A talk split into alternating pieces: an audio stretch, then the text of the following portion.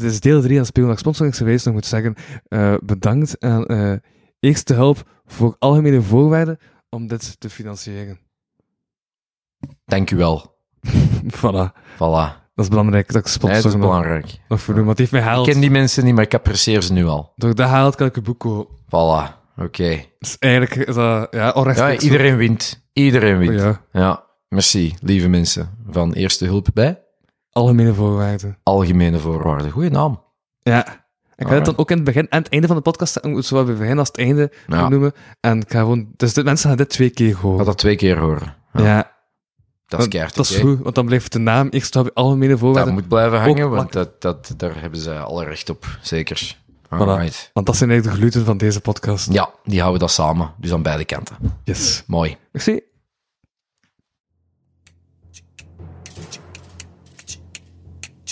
Dames en heren, Louis van Oosthuizen proudly presents de kapotkast. Kapotkast? Bitch, motherfucking hit.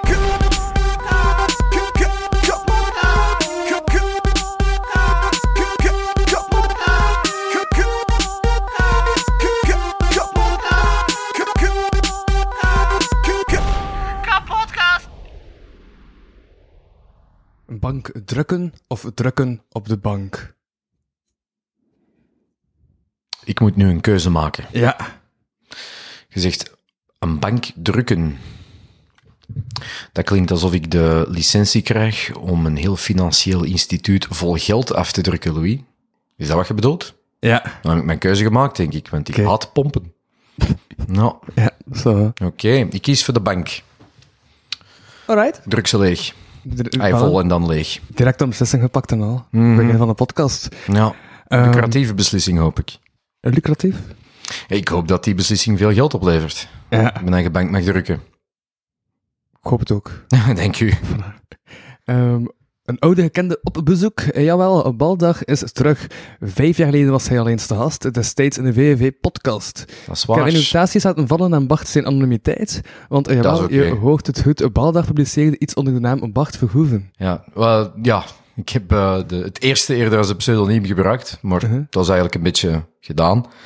Ehm, dit is onder mijn eigen naam. Ja, Ja, ik kan dus eerst de volledige intro smijten. ik ga zwijgen dan. Alright. Doe maar. En dat is voor zover ik weet geen nieuw pseudoniem. Bart Verhoeven bracht vorig jaar een boek uit bij Boggerhoff en Lambrechts.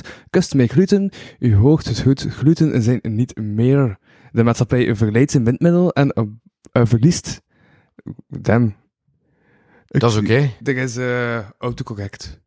Ah ja, ja, ik heb dat probleem ook gehad bij het schrijven van het boek. Hoort het goed, gluten Ah. zijn niet meer. De maatschappij verliest zijn windmiddel en de Bart wil daar iets aan doen. Daarom schreef hij die liefdevolle aanklacht. Hmm, En oh ja, sinds maart is Bart ook een potcollega door de Humanjakken. Dat klopt, waarin ja. een maand overzichtelijk gewijs met enkele andere belangrijke humanistische gebeurtenissen bespreekt. Ja, dat is juist. Genoeg om over te spreken, dus welkom bij de podcast van het Studio Mekasa. Ik ben uw host Louis Vano en bij mij zit een humoristische humanist. Ja, dank u wel. Merci, Louis. En dan uw naam. Bart Verhoeven. Voilà, ik ga dat opnieuw zeggen, zodat het vlottig overkomt. Oké. En welkom bij de podcast van Studio Mekasa. Ik ben uw host Louis Vano en bij mij zit een humoristische humanist. Bart Verhoeven. Dank u, Louis. Dus een keer spontaner. Kei spontaan. Nee, we hebben een boek geschreven, man. Ja, ik weet het. Ja. Zot, hè? Ja, maar ik heb de podcast al vijf jaar geleden beluisterd. En Ja. toen had je het idee om een kinderboek te schrijven. Ja, dat is waar. Het is uiteindelijk een toch iets zwaarder boek geworden. Ja, dat is ook waar.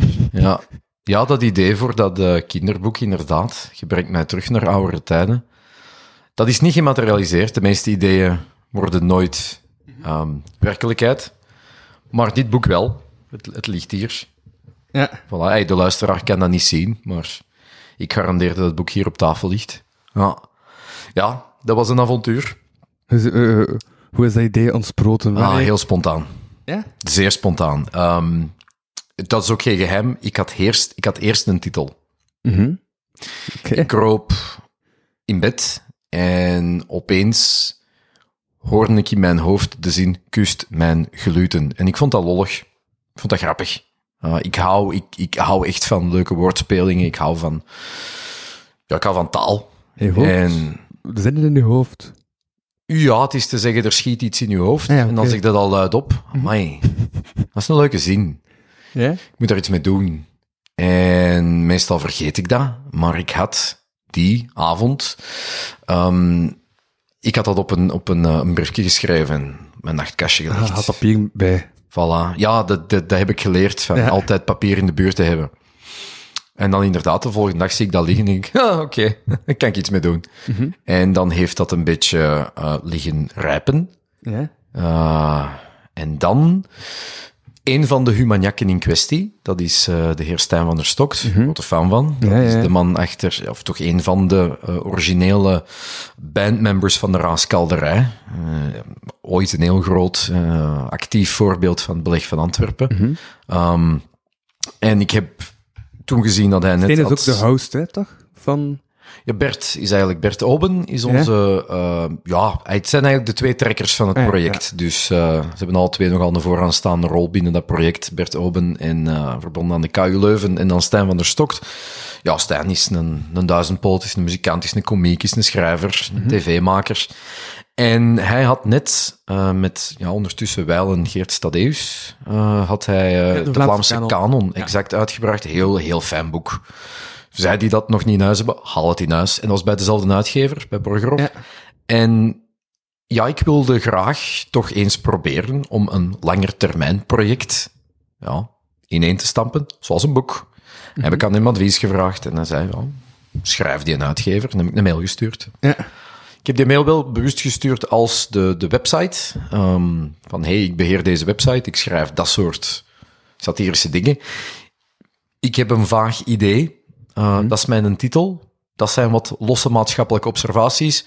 Wat kunnen we doen? Had dus wel een idee.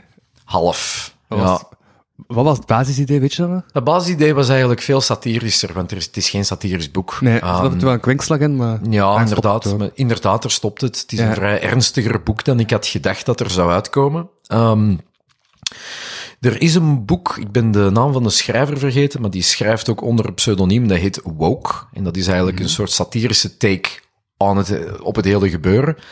En ik denk dat mijn originele idee een soort satirische handleiding was Ja. om in deze wereld te overleven. Ja, Dus iets.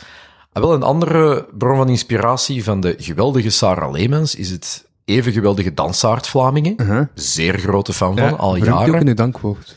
Ja, ja, ja, terecht, terecht. Eh, heb ik ook eh, toen advies aangevraagd. Hele fijne persoon. Ehm, en dan is het uiteindelijk toch niet dat geworden. Mhm. En dan, ja, je schrijft, you kill your darlings, er gaan dingen uit, er komen dingen in. En dan heeft het uiteindelijk zijn vorm gekregen met vier hoofdstukken, met een aantal observaties erin. ehm, die natuurlijk ook niet de waarheid in pacht houden, maar het zijn observaties. Heb je gekozen om elk hoofdstuk...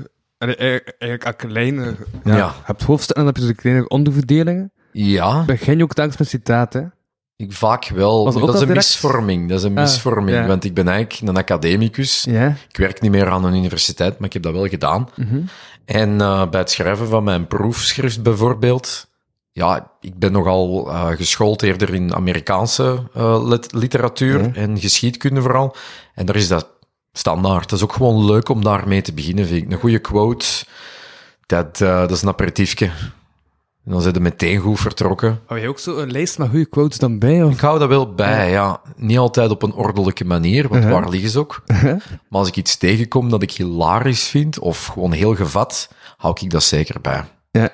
Nou, ik vind dat heel fijn om ook een kniksje te geven naar iets dat een veel wijzer, slimmer en welbespraakter persoon ooit heeft gezegd. En dan kan ik daarop verder doen. Ja. Nou, zeker. Daar staat tenminste toch ook al goede zinnen in. Ja, ja, ik, ik weet ook niet meer exact welke quotes dat ik ervoor gebruikt heb, maar het- hopelijk waren het wel relevante. Mhm. Ja, ja, Dat ja, ook ja, wel ja, de, dat de wel. toon konden zetten. Ja. Ja, als je het zelf kunt zeggen, des te beter, maar eh, ik hou van een goede quote. Uh-huh. Oké. Zeker. Ehm, en dus, um, wacht, maar wanneer heb je dat boek dan geschreven? In, in 20, Eh oh, wanneer is dat ehm, ontstaan, dat idee? Laten we even de, de 21. Oké. Dat is 2001, ja, Ja. 21. Ik denk dat dat idee rond februari moet ontsproten zijn geweest en dan eh, de mail verstuurd. Ik denk dat die in februari of maart naar Borgerhof is gegaan. En dan Had je ik- contacten bij Boggelhof of was dat dan via Stijn? Op dat moment niet. Ja. Nee, nee, ik heb gewoon zelf Ah, ja, een mail gestuurd. Maar ehm, ik heb daar wel... eh, ja, dat is ook maar hè, een, een, een bepaald team dat zich met dat soort literatuur bezighoudt. En dan heb ik daar eh, ja, een heel fijn antwoord gehad. Ehm, en dan beginnen samen denken, schrijven. En eh, dan is dat er op een paar maanden uitgetimmerd geweest. Ik denk, de drukste schrijfperiode was de zomer. Dat heb ik ook het meeste tijd. Ik denk dat ik het meeste wel... Maar we werken nog steeds het onderwijs ook, hè. Ja, Ja. dus augustus begon ik in paniek te schieten. Mhm. Van oei, ik moet nog zoveel worden. Eh, ja. Ah, zeg maar Maar- een aantal woorden en al. Ja, ja dat is, maar dat is ook normaal. Ah, ja, dat is contractueel ook vastgelegd dat je toch ja, dat je er niet afkomt met 50 bladzijden. Hè. Maar Ja. ehm, natuurlijk, de kwaliteit is op zijn minst even belangrijk. Dat is een minimum dan? Of dat is een... Beide, de- het kan, langs beide kanten kan dat eh, om, eh omsingeld worden, om begrensd worden. Ehm, maar ik ben dat wel gewend. Ik ben een uitsteller. En dus ik ben het gelukkig gewend om tegen een deadline dan heel veel te schrijven. En ik heb ook die frustraties daar rond los- losgelaten, omdat ik ook wel geloof, en misschien is dat gewoon mijn keuze om dat te geloven, dat als je uitstelt, ondertussen blijft dat idee groeien in je kop. Het enige is dat ook, je moet beginnen schrijven, want dan kun je pas beginnen schrappen. En dat hoort erbij. Ja. Heel veel geschrapt. Mhm. En dat hoort er absoluut bij. En dan tegen Alle oktober... zijn eruit geschrapt. Wat hè? Alle komische stukken zijn eruit geschrapt. Zeg maar dat zo'n serieus boek is. Voor... Daarom, hè, ja, het is dat. Ja. Alle fun is eruit. Mhm. Daar kan ik nu een leuk boek mee schrijven, met al die fun dat ik heb geschrapt. En dus komt het tweede boek. Oh, ik, ik heb ideeën, maar ik ben nog niet aan Ja, iets begonnen. Nee, ik zou, ik zou willen, maar... ehm Mhm. Nou, dat... eh er zit veel faalangst in. Ja. Ja. Ja, toch sowieso. zoiets van, ah, ik kan het, want ik heb het eerste boek uitgebracht, dus het, het zit er wel in en maakt het niet juist minder faalangst? Ehm, je zou Of- dat denken, Ja? maar ten eerste, ik zou heel graag iets in eh, fictie willen Mhm. schrijven. Dat is natuurlijk een heel ander paar mouwen. Ja. En ook, ja, ik... eh, En ook strategische fictie of echt gewoon puur fictie? Mogelijk wel. Ik, Ja. Humor is voor mij is een intellectueel glijmiddel. Dat moet, er, dat moet erin zitten. Ja. Ah, sowieso. Ik laat enorm graag mensen lachen. Ik lach ook zelf heel graag. Absoluut. Dus wat houdt mij tegen? Ik denk, ja, een soort eh, licht verlammend perfectionisme. Ah, maar, het gaat niet, ah, maar dat gaat niet goed zijn. En dus er niet aan durven beginnen, omdat je op voorhand al denkt, maar dat gaat het niet zijn. En dat is fout van mij. Ik moet mij er echt gewoon een keer aan zetten. En repetitief op mijn bakken gaan, totdat er iets staat dat je kan gepubliceerd worden, dat leuk is. Ja. Dat is de bedoeling. En wat, wat, wat mij opviel trouwens, bij, ik was dan naar de Human Jakken aan het luisteren. Ja, En in aflevering 1 van de Human Jakken, die van, van maart, maart, ja. wordt eigenlijk al iets uit het boek gewoon eh, ontkend. Aha, dat kan. Ja, ontkrachtigd. Dat kan absoluut. Namelijk de wet van te regelmatig fout over alles Ja. wat ik denk en zeg. Ja, Ja. wat was het? De wet van Hotwin bleek niet te kloppen. Ah ja, dat klopt. Ja, ja. Ja, ja, we hebben dat inderdaad besproken en het schijnt dat er inderdaad gewoon een punt is dat als dat niet bereikt wordt, dan is de Ja. kans zeer laag. Want de wet van Hotwin is dus dat op een... eh, Ah ja, de wet dat in een Ja. discussie, zeker online, om de zoveel... Na een bepaalde tijd wordt er met Hitler en de nazi's Ja. geslingerd. Dat iedereen die wet kent, dus Ja, inderdaad, dat is Godwin's Law. En dat is uiteraard niet altijd waar. Zeker niet. Nee. Dat is ook eerder, denk ik, een soort boetade of een soort witticism dan dat dat effectief een natuurlijke wet is. En die blijkt inderdaad gelukkig niet altijd te kloppen. Het zou mij erg zijn, hè. Ja, Want dan is, eindigt deze podcast ook zo, hè. ja, ja. Maar dat weten we natuurlijk nog niet. Dat weten we nog niet, nee. Nee. Dat is waar. Dus dat Alles kan nog niet spoilen. Alles kan. Ja. ja, dat is waar. Er kan veel. Er Mhm. kan veel. Ja. En merci om naar die eerste aflevering te luisteren ook trouwens. Ja, ik heb de Dat is eerste, zeer geapprecieerd. tweede en de laatste beluisterd. Ja. Dat is heel fijn om te horen. Ja. Ja, komt goed. Heb Dank ook bijgelegd dat ik niet de enigste ben die soms bang is van Bart Verhoeven. Is er iemand bang van Bart Verhoeven? Ja, dat werd eh, eh, de mop en de uh, Ah, Pieter heeft dat gezegd. werd gemaakt. Ja, Pieter, als je mij nu hoort, ik, eh, ik, ben, ik ben geografisch ver van u verwijderd. Wees niet bang van mij. Ik ben een hele lieve mens. Ik ben gewoon een beetje luid. Ja. ik hoop niet te luid voor de opname van de podcast. Nee, nee, nee. nee. Schitterend. Oké. Klinkt, het klinkt goed. Mooi, mooi. Ja. Ja. Ben, bent jij bang van mij? Een beetje. Ja. Maar allee, dat is hilarisch. Ik hoor dat af en toe. Maar je komt Ik mega serieus over, man. Ah, maar nee, ik ben echt een zacht, zo- ik ben een zachtgekookt eitjes, hè. Ik, ik heb niet hetzelfde gevoel als... Ik heb dat gevoel dat ik één keer gehad, het laatste jaar, toen dat er iemand zat. Dat is Ja. bij Rode Geek 6. Bij Rode Geek 6 heb ik hetzelfde gevoel. Ja. Van, die schrijft al humoristisch ding, maar toch, als die gezet, dan is het zo van, damn, zo, ja, zo wat, eh, Oh. Pas op of ik maak je kapot, vibe. Oh, amai. Zo Ik die weet blik- dat ik uit Antwerpen kom, maar ik heb geen granaat bij. Ik eh, ben, ben, een hele, eh, heel, nee, ik ben een hele lieve mens. Ik eh, haat geweld. Ik kan verbaal heel hard overkomen. Soms ga ik ook een beetje in overdrive, maar ik, nee, nee, ik ben, ik ben ook een, een diep onzeker mens, zoals zoveel onder ons. Dus wees niet bang van mij. Ja, De luisteraar zeker niet, want ik kan u toch niet zien. Ja, ja, ja, ja, ja. Ah. alhoewel ik weet dat ook wel. Ja, je hebt ook gewoon een, een, een enorme uitstraling aan kennis. Oh, dank u. Maar door de, Allemaal fake. Doe gewoon altijd. Ja, maar ik het wil dat ik rap dom ga overkomen. Man, manneke toch. Ja, Oh, nee, dat is iets, denk ik, dat we, dat, dat is iets dat we in onze kop steken vaak, hè. En ook iets, ik denk, een, eh, een soort fixatie op, ik, ja, we moeten altijd presteren en altijd spitsvondig uit een hoek komen. Nee, dat is allemaal niet zo, eh, nee. Dus nee, wees niet bang van mij, alsjeblieft. Ça va, Ah. voilà. Dat dat alles uitgelegd werd. Maar ik ben blij dat je dat, eh, dat, je dat op tafel gooit. Dan, eh, dan is dat toch al niet meer onuitgesproken. Het is dat. Hmm. Ziezo. Ehm ja, het, is een- ja, het boek is inderdaad ingedeeld in vier hoofdstukken. Ja, Ehm maar je wel de titels van de hoofdstukken vergeten. wacht, hè. Want eh, ja, het boek ligt is- hier bij ons, dus... Hm? Hij heeft het boek geschreven, dus ik ben benieuwd of hij nog eigen... eh, Ja, ja, misschien niet meer in de juiste volgorde. Ja? Laat ons even zien. Ik weet, eh, ja, ik ga beginnen van achter. Eh, dat is Woke Dat nog. Ja. Dan hebben we eh, Je Google donc je suis. Mhm. Ehm, dan hebben we... Ah, dan is het het hoofdstuk met dat eigenlijk alles te veel is. Ja. Ehm, ah ja, het eerste is iedereen beroerd.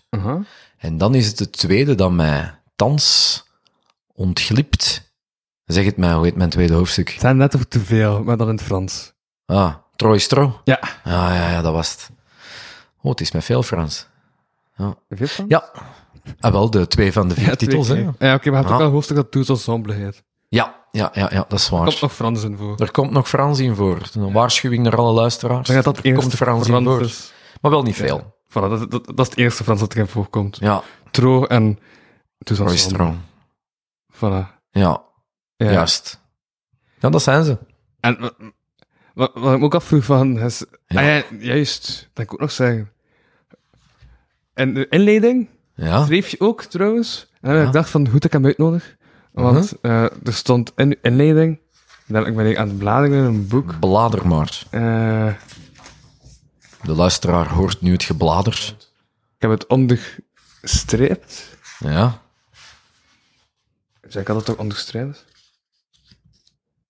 Je hebt geen idee waar het eh, nog over ging. Ja, ja, ja, ja, ja, ja, ik weet wat ik wil opzoeken. Ik weet wat ik wil zeggen. Ja, Maar ik weet ook... Ik, ik, ik zie het staan. Kijk dat je zo ja, studeert voor je examen, dat je het weet staan, maar Ja, ik dat weet het, denkt van, damn, waar staat dat nu eigenlijk? ja. Die vibe. Oké, Dat is wat u ondervindt. ça Ja. va. Kijk, dus het voel ik... Ja, kijk, kijk, kijk, kijk plots een examengevoel of zo. Nogmaals, ik weet, ik sta in het onderwijs, maar ik, eh, ik heb hier niks te evalueren. Er zijn geen, eh, er is geen leerplan en geen lesdoelen die moeten gehaald worden. Ja, ik ben het kwijt. Weet je waarover het ging? Ja? Waar ging het over? Dat in een podcast zijn met meer dan tien luisteraars. En ik dacht, voilà, dat is gebeurd bij deze. Ah, schitterend, voilà, ja. Ja, ja, ja, Ja. ik denk dat ik de verwijzing ook eh, mij herinner, ja. Ja, Ik las dan ik dacht, voilà, dat is, ja. dat is wat we nog doen. Voilà, zei. Ja, Doelen bereikt. ja, ik voelde mij Voilà. Ja, Ook al wist je op dat moment natuurlijk niet dat ik u ging uitnodigen. dat klopt. Ja. ja. Ehm, Ja, uh-huh. Maar, dus wacht, hè. Het is zodanig veel informatie, ik probeer nu even te ordenen. We waren bezig over de vier hoofdstukken. Ja, hij heeft vier hoofdstukken. Het is onderverdeeld. Mhm. de citaat, dat ik ook even aangaan, maar dat hebben we ook al besproken. Ja, Ehm zijn zo dingen dat je schrijft en dat je denkt, ja, maar eigenlijk eh, ik kan er wel opschrijven, maar zelf doe ik dat ook niet altijd. Zelfs dat ik ook wel zo soms... Dingen waar we hypocriet over zijn. Ja. Maar het is vandaag nog, hè, want ik heb nog een lesdag gehad en dan eh, nog mijn collega's staan praten, mijn, mijn groepje collega's. En de zin viel, hypocrisie is de lijm die onze samenleving samenhoudt. En eigenlijk, wat dat mij het meeste bang maakt, is ideologische puurheid. Mensen die dat echt volledig in hun idee en visie opgaan, dat zijn gevaarlijke mensen. Ofwel isoleren die zich volledig van de rest, of ja, die gaan ons echt te lijf. Want Ja. hun idee moet, moet volledig gebeuren. En daarin vind ik dat hypocrisie ook een mooie bijklank mag hebben. Want voor mij wil dat ook zeggen dat je een beetje rekbaar bent. Dat je ook samen door een deur nog kunt. Ehm, en ik ben zeker over veel dingen hypocriet. Ehm, ik eh, maak mij zware zorgen over het klimaat en ik rijd met een auto rond. Ik ben hier ook met een auto naartoe gekomen. Ik ehm, ga ook niet meer graag op vliegvakantie, maar ik kan niet doen alsof dat, dat voor het klimaat is, want eigenlijk kom ik gewoon heel, helemaal niet graag op Ah, luchthavens. wel ziek op vliegtuig. Hm? Nee, ik kom Ah, nee. gewoon niet graag op luchthavens. Dat Ah, geeft ja. mij stress. Ja. Zeker onder deze omstandigheden. Ja. Zo beelden zien van mensen die dat... Ehm, kijk, dat zijn maar twee stomme voorbeelden, maar in ieder geval, ik weet, wij doen allemaal wel eens, ik zal voor mezelf spreken, ik doe natuurlijk ook dingen waarvan ik achteraf denk, ja, maar daar staat eigenlijk niet voor. Hè. Bij, oh, nog iets, eh, ik ben soms rap emotioneel getriggerd, zij die dat Ja. mij kennen weten dat. En dan doe ik soms nogal krasse uitspraken waarvan ik achteraf moet denken, ja Bart, maar ai, wij zeggen in Antwerpen, zet is kalm. En zo rap kwaad. Rap emotioneel getriggerd? Ja, Ja, want van, meerdere emoties, maar Ja. dat is wel rap de ik ervaar emoties heel intens. Of- ja. ah, dat is bij alle emoties. ja, met alle emoties, ja. En ehm, ik ben ook vrij impulsief. Dus dan zeg ik eh, iets en dan Mhm. denk ik achteraf, ja, dat was niet nodig om dat zo te zeggen. Ja. Of als er bijvoorbeeld een, een Twitter-discussie losbarst. Ik heb echt moeten leren om van mijn scherm weg te gaan en te kalmeren. Want anders begin ik ook te roepen en te schelden. Dat is helemaal niet de bedoeling. Iemand met andere ideeën. Ik heb het zelfs nu zover ondertussen onder controle proberen krijgen, dat als Ja. iemand tegen mij begint te zeggen van gij vuile dit, dat, dat ik niet antwoord. Of dat ik antwoord met een hartje. Ja. Want daar worden ze nog kwader van. maar ja, uiteraard. I don't practice what I preach all the time. Uh, Eh. Wie wel, denk ik. Maar ik probeer wel mijn best te doen. Heb je ook een hoofdstuk trouwens over generatie Z? Ja, Ja, bent jij dat niet? en ik ben generatie Z. Ja, jij bent dat, hè? Ja, ik ben een vuile millennial. Ja, zo heb ik me ook terug aangesproken. Oh, dat zal wel. Dat mag, hè? Ja. Ja, ja, ja. Ik geef ook nog, denk ik, ik geef nog les aan, aan Gen Z. En dan aan de volgende ook. Was je even gestopt met lesgeven? Of? Ja, ik was even gestopt met lesgeven. De laatste keer dat wij elkaar gezien hebben, was ik voornamelijk aan het gidsen. Ja, Maar dan is de wereld beginnen hoesten. En dan uiteraard was gidsen niet zo interessant niet meer. ja, ja. ja. Ja, ik heb altijd graag in het onderwijs gestaan. Ehm, dus dat was een heel natuurlijke plaats om naartoe te keren, terug te keren. En nu geef ik les aan middelbaar onderwijs en ook aan volwassenenonderwijs. Dus dat Ja. is een, een brede leeftijdscategorie van, denk ik, de jongste zullen 13 zijn, 14 misschien eerder. En dan de oudste, ja, dat zijn mensen die ook ouder zijn dan ik. Maar dan zitten ze meestal bij het volwassenenonderwijs toch in de 20. Ja. Dus ja, Gen Z is zeer goed vertegenwoordigd in mijn leerlingen- en cursistenbestand. Ja. Ehm, Ik heb uw generatie toch niet beledigd, hoop ik, in mijn boek. nee, nee, nee. Want dat was ook niet de bedoeling. En die kloppen. Ja, ah, ah. ja dat hij ook zegt van elke generatie wil gelijk beter zijn dan de vorige generatie, maar waar stopt dat dan? En, Ja, dat stopt bij aanvaarden dat dat niet, Ja. dat dat helemaal geen race hoeft te zijn. Hè? Dat dat ook eh, volgens criteria is die blijven veranderen. Mhm. Niet elke generatie, eh, niet elke groep mensen, niet elk individu heeft dezelfde criteria voor een goed leven.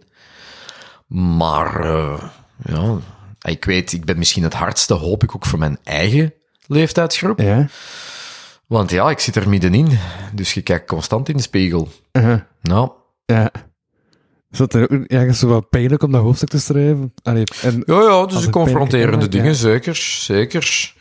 Absoluut. En eh, ik ben nu toch wel op een, denk ik, moment in het leven gekomen dat ik heel hard naar mezelf aan het kijken ben. Mhm. En dan uiteraard vergelijkt je. Waar staat de rest? Waar moet de rest staan? Ja. Waar identificeer ik mij wel of totaal niet mee? Wat ergert mij aan mijn generatie? Wat, eh, Ja, wat is daar eh, vrijgevochten en positief aan en charmant aan? Ja, passeert regelmatig die gedachte. Mhm. Maar ik vind wel zot dat je nu terug les heeft. Mhm. Omdat toen de laatste keer, eh, allee, niet die live, maar die andere VVV-podcast Dat je in Antwerpen, eh, zei je in de ja. podcast dat je voor naar een baldag had gekozen, Ja. ook omdat het dan niet gelinkt wordt aan je eh Ja. werk op school. Ja, ik ben gestopt met mij dat een zak te interesseren, dus dat boeit me eigenlijk niet meer. Um, Ja. Ik denk dat ik ondertussen zo lang al met bijvoorbeeld nieuwssatire bezig ben, dat, ai, dat is, ik weet denk ik wel waar mijn grenzen liggen. Mhm. En ik weet ook dat ik over bepaalde grenzen niet rap zal gaan, of hopelijk gewoon niet. Dus ik maak mij er eigenlijk weinig zorgen over. Ehm, ja, ik ben er mij van bewust dat de doelwitten van mijn humor, die de, dat verraadt allicht een, eh, ja, een politiek bewustzijn en kompas. En dat mag ook. Ja. Ik heb daar geen geheimen over. Maar eh, dat is wel iets dat ik mij niet echt meer aantrek. Ja, en hij zit ook niet op TikTok. Nee, dat, ik zit niet op TikTok. Er zijn verschillende redenen voor. De ideologische redenen heb ik opgegeven. Ehm, het is gewoon omdat mijn telefoon te weinig geheugen heeft. Ja, Dus dat houdt mij van TikTok. ja, ja, die overal- batterij is vrij snel En de leeg. vraag hoe, hoe, hoe- ja, hoe jij tegenover de situatie met Frank, Frank Daniels? Ja, dat was ik juist aan het denken, inderdaad, met zo. Hè. Eh, ja, kijk ik daar tegenover? Natuurlijk, ik ken niet heel het verhaal. Ik weet dat ik zeer snel heel emotioneel getriggerd werd erdoor. Mhm.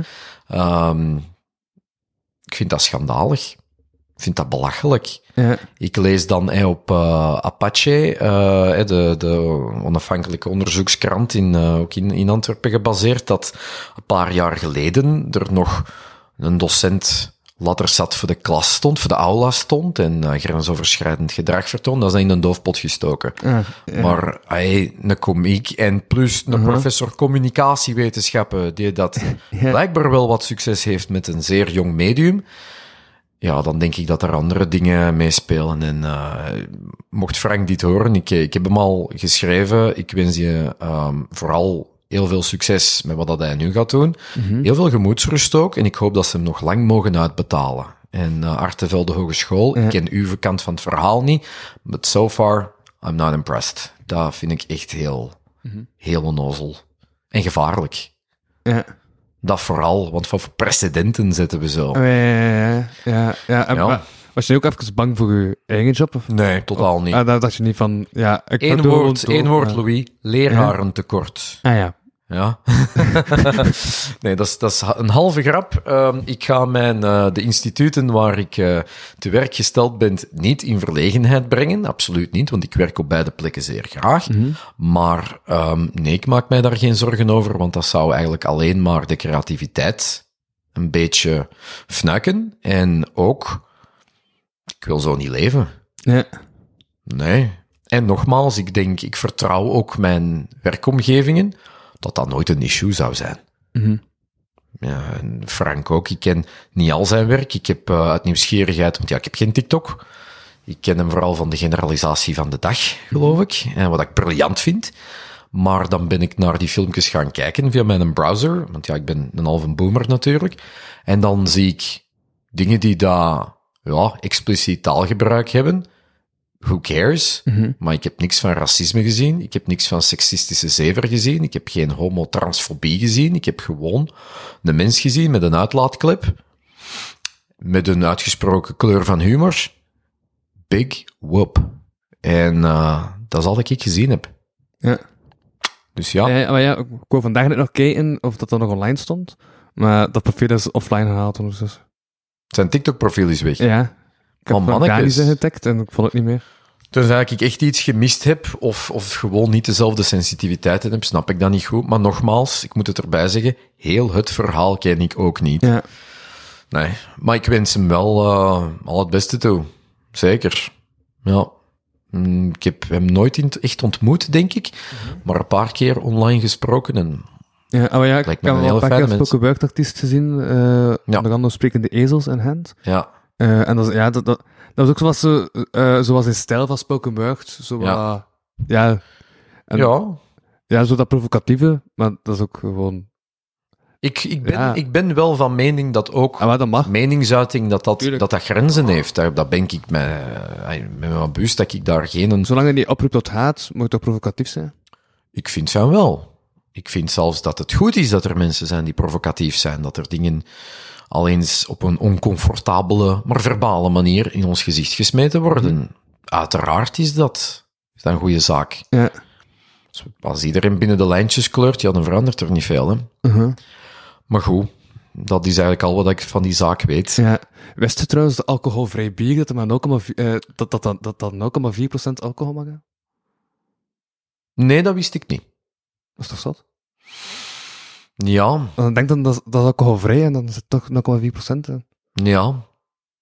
Ja, daar staan we dan, hè. Met de, Dus is dat dan niet ook met de integriteit van ons woordgebruik. Is wat? Is dat dan niet ook provocatief? Dus echt, het is alcoholvrij, maar het is niet alcoholvrij. Nee, voor mij is dat niet provocatief. Voor mij is dat dan gewoon een leugen. Ja. Provocatief is, is iets dat mij een ongemakkelijk gevoel geeft, maar mij wel ook hopelijk laat nadenken over de dingen die ik evident vind. Ehm, als er alcoholvrij bier op, op, op een...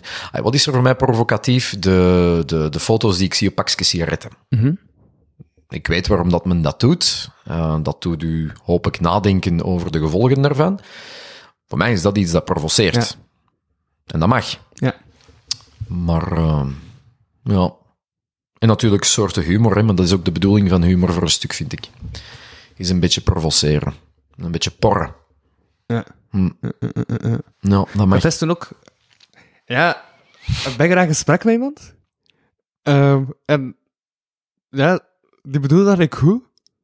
Hij maakt ook van ja, dus ik ben goed wel, dat hij hem zo denkt, maar het is ik ook niet goed, of zo. Want die was er dus van overtuigd Hm? dat mensen die gediscrimineerd waren. Wacht, over wie hebben we het nu? Eh, pff, doet er niet toe. Ah, we hebben het over een, een, een persoon met wie Ja. dat jij in gesprek bent Ja. geweest. ja, En en die, was ervan overtuigd dat mensen niet gediscrimineerd waren. Wauw, dat moet een ongelooflijk comfortabele realiteit zijn waarin dat die En persoon dat- leeft.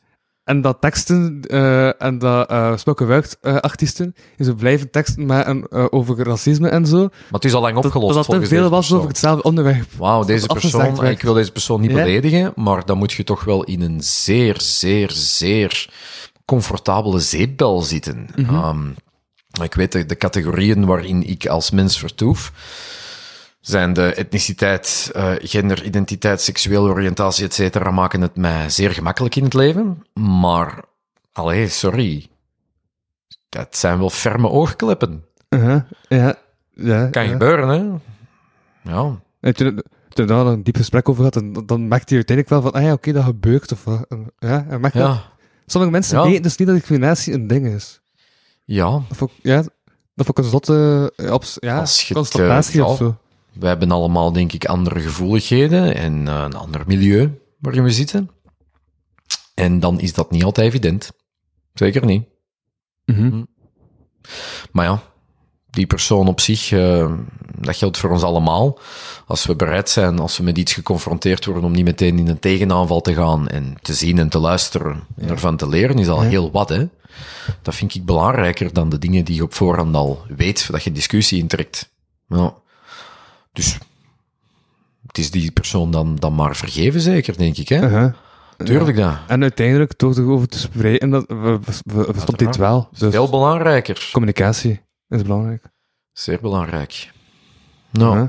Over communicatie gesproken. tegen dit. Ehm, dat, was, dat was er ergens in over communicatie gesproken. ja. Zwat. Ehm, had, in het boek heb je ook zo'n verwijzing naar, eh ik ben de naam even kwijt, maar die van Eugen Visit 2. Samuel Kawakibi. Ja, die Ja. terug in de media is gekomen. die terug in de media is gekomen, Ja. die heel even terug in het Vlaams parlement Ja. is gekomen, ja. Wat, wat, wat vind jij daarvan toen je dat zag? Opnieuw is dat zo, ja, dat is dubbel. En ik zal, eh, ik zal alles wat ik denk op tafel gooien erbij. Waarom is het dubbel? Omdat we natuurlijk in een rechtsstaat leven. En dat wil zeggen dat zolang iemand niet veroordeeld is, dat wij voorzichtig moeten zijn met ons oordeel. Ehm, maar dat wil natuurlijk ook niet zeggen dat we er ondertussen geen gedachte over hebben. Ehm, wat, wat vind ik niet leuk, is als zo'n persoon op de persoon zelf aangevallen wordt. Ik zie daar vreselijk ordinaire, vulgaire en wat nog allemaal dingen passeren. Ehm, ik denk het beste woord was eh schommelpoedel. ja, dan denk ik ook, ja, je gaat naar huis. Ehm, dat is niet de manier om daarmee om te gaan. Dat vind ik heel spijtig dat dat vaak gebeurt. Maar wat heb ik ook wel ik vind dat eigenlijk een beetje symptomatisch voor de tijd waarin we leven, die hele persoon na. En ja, ik weet het. Ik kan mij niet van de ondruk ontdoen dat dit iemand is die dat constant aan het performen is. Dat is die verkleutering ook in een van de Dat zit daarbij, titels. Maar ik moet zeggen, vooral het laatste filmpje dat deze persoon, uh, Siam El Kawakibi, dan naar de buitenwereld, en daar mag ik een oordeel over hebben, want dat publiceert je. Ja. Oh, dat was, dat was denk ik de grootste cringe die ik in lange tijd had gezien. En dan denk ik van, ofwel heb jij de verkeerde communicatieadviseur, ofwel leeft jij inderdaad in de waan dat mensen dit gaan geloven. Je maakt het zo erger, denk ik. Ehm, Uh-huh. Ik zag ook een, eh, een eh, filmpje van Ideale Wereld erover. Ah, Dus ja. het- het- wa- Waarin ze ook de link legden tussen dat filmpje en dat filmpje van Bart de Pauw destijds. Ah, ja, ja. Van ja. ja, ja, geloofwaardigheid. ja, ja. En speelt hij. En dat is gigantisch subjectief natuurlijk, want als we op voorhand al een idee hebben over die persoon en we hebben ze al veroordeeld op voorhand, ja, dan kunnen ze niks goed niet meer doen. Of, of tegenovergestelde, hè, mensen die dat bijvoorbeeld bij Bart de Pauw op voorhand al beslist hebben dat alles van hashtag MeToo overdreven is en dat dat een aanval is op, op de traditionele samenleving, ja, die gaan hem tot er dood bijna blijven verdedigen. Daar zijn wij eigenlijk niet objectief in als cultuur, eh, of als mens. Wat denk ik wel, en ik ben er ook niet objectief in bij het geval El Kawakibi, ik vind heel die persona, mocht dat een persona blijken, dan vind ik dat wel heel verontrustend.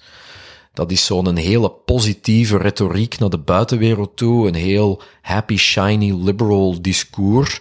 Van eh, laat ons eh, onze schouders onder dit mooie project zetten, maar ondertussen dan wel met subsidies zitten te smossen, in hun eigen zak steken. En als dan ook nog blijkt dat die getuigenissen kloppen van hoe het daar echt achter de gesloten deuren aan toe ging, dat die mensen constant gefilmd werden, et cetera, dat die niks van kritiek mochten uiten, dan vind ik dat een zeer gevaarlijke situatie. Ja. En dat zijn inderdaad dingen waar ik mij niet alleen aan erger, maar waar ik mij zorgen om maak. Dat wij een zeer... Ja, en hier is dan de andere kant van de hypocriete munt, want het kan ook te hypocriet worden, dat wij eigenlijk zodanig verblind worden door oeverloos positivisme, waaronder dat wij alles van ellende en, en, en dingen die niet goed zijn verstoppen. Ja. Ja, Want dat eindeloos cynisme was ook typisch millennials, heb ik in een boek gelezen. Ehm, ja, het, het, het, moet ik het zeggen? Ja, het is een grappige cocktail, want inderdaad, ik vind mijzelf gevaarlijk cynisch.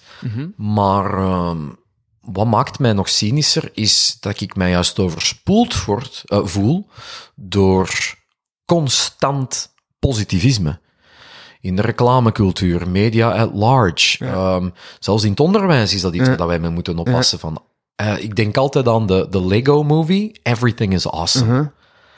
En dat is daar een mooi satire op, Ja, vind ik. want ik, want ik heb vandaag ook even geluisterd naar de jaren nul op Studio Brussel. Mhm. Ik vond een verademing dat Sander de Rijke eh, een van de presentatoren was. Ah, ik hoor die heel graag bezig, ja. Ja. Die, die is daar blijkbaar immuun voor. Ja. Dat is een, een hele... eh, ja, die uh, snijdt daar goed door, vind ik. Ja, zo de... Ja, de... de alles is geweldig en alles is mooi en proper en shiny. Ja, dat is niet waar. Dat is een hele gevaarlijke manier om naar de wereld te kijken. En dat maakt in, inderdaad misschien eh, dingen die we niet willen horen. Ja, dat leidt ons een beetje aan de zachte censuur daarvan misschien. Ja. Hè? Ah, misschien is dat ook het probleem met, met Frank Danis geweest. Ik weet het niet. Maar dat maakt ons daar nogal, ehm, ja, moet ik het zeggen, ongewapend tegen. Niet alles is geweldig. Pijn, leed, lelijkheid, eh, falen, de dood, dat zijn allemaal dingen die deel zijn van ons bestaan. Ja, en wij doen alsof dat, dat totaal er niet meer is. En dat hoeft er ook niet meer te zijn, zo gezegd. Mhm. Ja, ik vind dat gevaarlijk.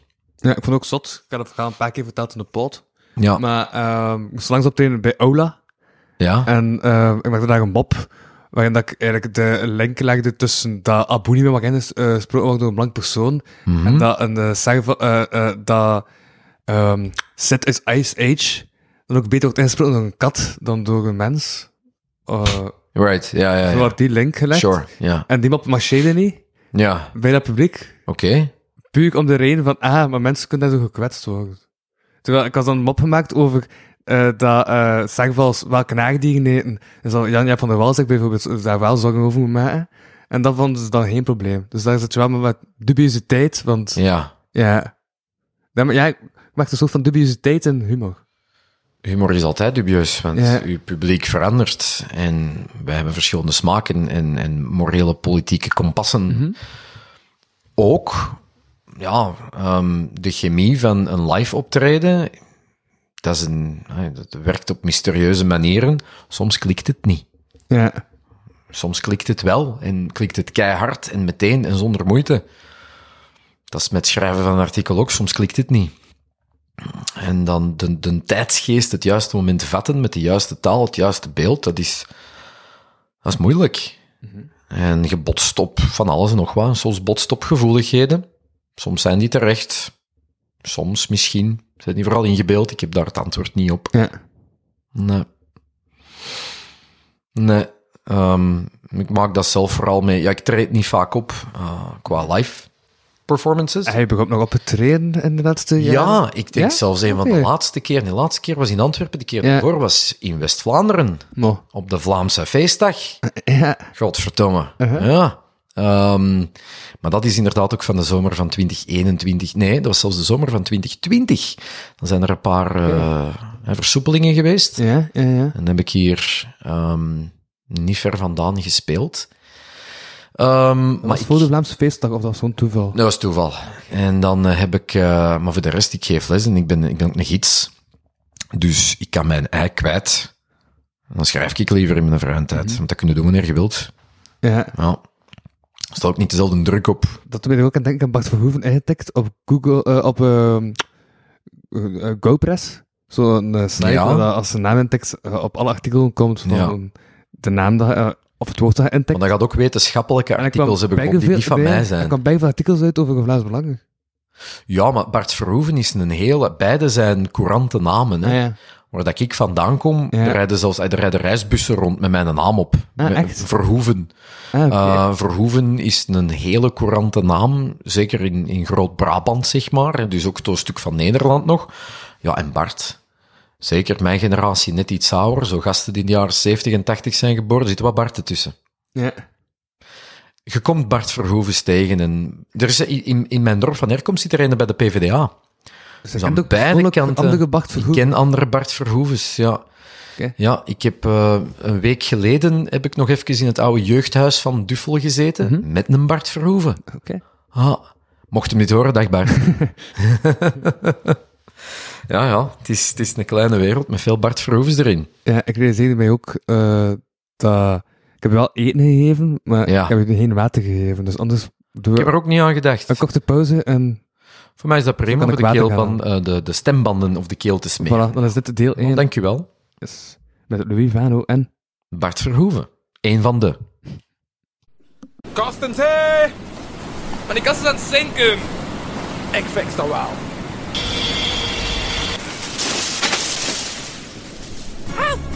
Wat is het? Er is een kast gekopske, gekop, gekopske, gekospke, Aan het zinken. Kapotkast crew to the rescue! Deel 2. Voilà, dit is deel 2 met Louis Vano en nog steeds de meest imposante Bart Verhoeven onder de Bart Verhoeven. Ja, maar eh, met minder dorst dan er juist, dus nog minder angstaanjagend. Voilà, Voilà, ziezo. hoop ik. Ehm, ik was juist aan het denken, heel vanmiddag in, eh op het openbaar vervoer gezeten. En zo heb ik eigenlijk veel kunnen luisteren naar de podcast. Van Dat klopt, dan kun je De- dat wel eens doen. Human Jakken. Ah, nee. Ik moest in wordt dus indirect in gesponsord door de lijn en Ik zat in eh. Mhm. Dat is de klassieke Soms zit je al eens in meer op verwarring. Ja, Ja. voilà. Wel, merci nog eens om te luisteren. Mhm. Ja, zeker. Ik had ook handcoördinatie onderschat. Ehm omdat ik tegen die mic ken en dan twee dingen. Dus wat? Ja. Toe. Ehm Leven in drie dimensies is al eens een uitdaging. Ook voor mij. Ook voor mij, Louis. als je trouwens bij warm, ben ik ook aan het denken, het is 24 graden buiten, dan heb je een jas aan. Ah ja, maar dan voel ik mij, dan voel ik mij geborgen. Geborgen. Geborgen en veilig. Ja. Mijn jas aan. Ja, maar ik draag deze jas graag. Die is heel zacht. Heb je zo... Is dat uw vaste jas? Ehm, nee, ik ben onlangs geswitcht. Ik ehm, heb ooit een hilarische... ehm, ik neem het als een compliment aan. Opmerking gekregen van een, vrij jonge leerling toen nog. En die zei... eh, ja, dat was dat was een Engelstalig ventje. En die zei... eh, Mr. Bart, die mocht mij Mr. Bart noemen. Uh, Mr. Bart, you look like a cartoon character. You remind me of a cartoon character. Ik zeg, waarom? Ah, you always wear the same clothes and you have a great personality. en uh, Xander heette dat mannetje. Zegt van, wow, thank you. En hilarisch. Dat is een van de beste dingen die ik ooit gehoord heb. Inderdaad, ik draag ehm, ja, eigenlijk altijd dezelfde jas. En na vijf maanden switch ik. Of zes, dan twee per jaar. Omdat dat dan vuil begint te worden. Nee, een jas wordt niet zo rap vuil, hè. Maar ehm, nee, toch niet. Ik doe weinig extreme dingen met mijn eh, jassen aan. Maar eh, ja, ik ben, ik ben vrij gefixeerd op, op, op... Dat is mijn outfit voor, deze, voor dit seizoen. Ja. Maar deze is nog vrij nieuw. Ja. Deze heb ik misschien nog maar een week aan. En hoe bepaal je dat dan? Heb je echt zo een stijl van jas? Of pak je gewoon eerst de beste jas? Hmm, ik denk niet dat ik het eerst het beste pak. Ik probeer wel te zien of, of dat het mij enigszins afgaat. Ja. toch wel. Maar eh, ja, ik ben nu voorbij de helft van de 30, dus ik moet nu naar zo tweed jackets gaan. Eh, dus ik zit hier, ja, dat is zo zo'n eh, verstrooid professor blazerke. Het is die fase van mijn leven dat nu is begonnen, Ja. dus ik moet die omarmen. Ja, pijp roken moet ook stilletjes aan beginnen te gebeuren. Rook je, hè? Nee, dus moet ik nog iets aan doen. Ja. Wandelstok. Ja. Ja. Een bril. Waarom draag ik geen bril in godsnaam? Zie mij hier zitten. Dus daar werk ik nog aan. Maar je hebt ook geen lenzen. Nee. Je hebt gewoon bij goede ogen. Nee, ik zou eigenlijk eh, wel iets moeten dragen. Want ik eh ver zie, ik, ik zie niet alles heel goed ver. Is dat dan niet onhandig als leerkracht? Nee. Nee, ik, ik, mijn zicht is goed genoeg om te functioneren. Nou. Maar ik ben eigenlijk te lui om een bril te dragen. En zeker om lenzen te dragen, want dan moet ik die elke dag terug in en uit doen. True. Ja. Als je weer slaapt, dan draait dat om de ogen en dan Dat wil ik niet. geen Nee. probleem. Of ja, droog dat uit hè, van die zevers. Nee, dat, dat gaan we niet doen. Zwat, dus geen lenzen voor mij. Van Max zegt. Ja, eh, absoluut. Zeker. Zeker. En je jas past ook natuurlijk goed bij andere kledingstukken. Dat, dat is ook wel Ik probeer meer dan de jas te dragen, ja, Ja. inderdaad. iets... Zeker als ik moet lesgeven, dan probeer ik wel inderdaad dat com- te combineren met andere, met andere vormen van kledij. Heb je naar de crown gekeken? Ja, zeker. Meermaals. Ja, wat vind je dan van dat ze dan nu... Dat er moet bijstaan dat eh, op waar gebeurde feiten gebaseerde fictie is? Ik vind dat normaal dat dat erbij wordt gezet, omdat... ai, toevallig ben ik gisteren eh, naar de film eh, Zillion gaan kijken. Ik vind die ongelooflijk entertainend, om te Ja, beginnen. ja. Zoals uh, Wolf of Wall Street, maar dan een Vlaamse editie daarvan. Zelfde stijl van montage en de, de, verteltechniek. Dat. Ja, dat was in een plaatselijke cinema, was in Mechelen. En ehm, nou, ik vond die heel fijn om naar te kijken, heel entertainend. En dan uiteraard moet je ook wel ergens eh, toegeven, niet alles hier is accuraat. En dat heeft ook juridische redenen uiteraard. Het is niet dat je zomaar kunt zeggen wat je wilt. Ehm, zeker als dat gaat over de levens van, van mensen die dan nog leven. Uh, of wiens nabestaanden er nog zijn, of een, of een instituut, wiens reputatie dat je natuurlijk anders in gevaar kunt brengen. Zeker als dat nog eens over criminele feiten gaat. Ja, natuurlijk bij The Crown gaat het eerder over dingen als Diana en emotionele verwaarlozing van de kinderen, al die, al die dingen die uh, natuurlijk publiekelijk uitgesmeerd worden. En niet alles is zo gebeurd. En dat is eigenlijk ook een bevrijding, denk ik, want dat geeft u ook dichterlijke vrijheid om een paar dingen dramatischer. Ja. Niet alles is zo tegelijkertijd gebeurd, hè. Um, maar dan kun je het wel op een interessante manier bieden. En dan moeten bepaalde dingen, ja, dan moeten mij schommelen. En dat hebben ze goed geschommeld, denk ik. Mhm. Ja, The Crown is een mooi schommel. Maar als poli uh, politiekkundige dus wel goed, goed gemaakt. Ik vind dat extreem goed gemaakt, Ja. zeker. Ik ga even drinken. Oké. dan drink je. Dankjewel. En ehm, ik kondig het maar aan. Mocht dat moeten knippen. En ehm, wat ging ik zeggen? Ja, ja, politiekkundige. Ik ben geïnteresseerd in politiek. Ik ben geïnteresseerd in, in zoveel dingen die met de samenleving te maken hebben. Ik vind dat een extreem mooi gemaakte serie om al te beginnen. De, de aflevering over de luchtvervuiling in Londen bijvoorbeeld in het eerste seizoen. Maar ook die daar echt emotionele snaren raakt, omdat er vreselijke dingen gebeurd zijn die die show ook respectvol laat zien. Zoals die, eh, die mijnramp in Wales, dat is ook het eerste seizoen. Ja, ik hou van goede retoriek. Dus die speech van Winston Churchill, hoe dat, dat gemonteerd is op de Queen, die dat naar huis moet komen, want haar vader is dood. Hè. Zij wordt dan koningin. Ik krijg daar kippenvel van. Maar ook gewoon omdat ik van geschiedenis hou. En dat mag op een dramatische manier gepresenteerd zijn. Ik zal het wel met een korrel zout nemen. Maar eh, ik vind het goed gedaan, heel goed gedaan. En dat je bij de Zillion dan ook. Hm? Dat je bij de Zillion dan ook. Want daar ben je bij Ja, totaal ander, genre, totaal ander thema, heel ander genre. Ehm, ik, ik weet daar minder van. Hij hebt de vergelijking gelegd. Ja, nee, ja, ja, ja, omdat daar ook wel, ja, daar, daar is al wat stof voor opgewaaid, omdat natuurlijk de partner van Frank Verstraeten in het echt is een persoon die ehm, natuurlijk ook wil dat haar verhaal beschermd wordt. Dus dan moet je ook wel eh, voorzichtig zijn. Ja. Ja. Maar ik heb, eh, nogmaals, ga die film zien, ik heb er extreem van genoten.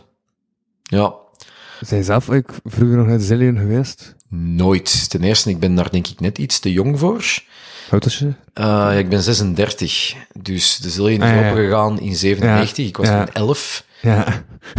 Oké. Eh, weet je, hoi. En ook dat discotheken waren niks voor mij zijn. Echt, Nee, niet Nee. je ouder was. Nee, ja. ik eh, ben wel... Ja, ik heb vier jaar in Engeland gewoond. Daar heb je echt een heel actieve uitgaanscultuur. Dat ben ik nooit geweest. Ook in een Engelse club of in Engeland? Eh, en, eh, nee, nee, nee, nee, in die uitgangsbuurt. Wel, elke stad is daar een uitgangsbuurt. Dat, Ah, ja. is, dat is daar zeer levendig. Ja, ik, ik was eh, student, eh doctoraatstudent in, in Nottingham. Dat is geen kleine stad, dat is geen gigantische stad. Die heeft wel eh, een, een vrij behapbaar en, en divers uitgangsleven. Maar mij vond je meestal in een café, want ik praat graag met mensen. Dat gaat niet in een... Oef, oef, oef, oef, dat gaat niet. En ook al, het drinken kost te veel geld. Meestal speelt er muziek waar ik eh, stress van krijg. Ehm, ja, ik ben daar niet gelukkig. nee. nee, clubs zijn niet voor mij, nee. nee. Hij luistert ook naar klassieke muziek dan vooral. Weinig. Ehm, Luister jij überhaupt naar muziek? ja, Ja. ja, toch wel.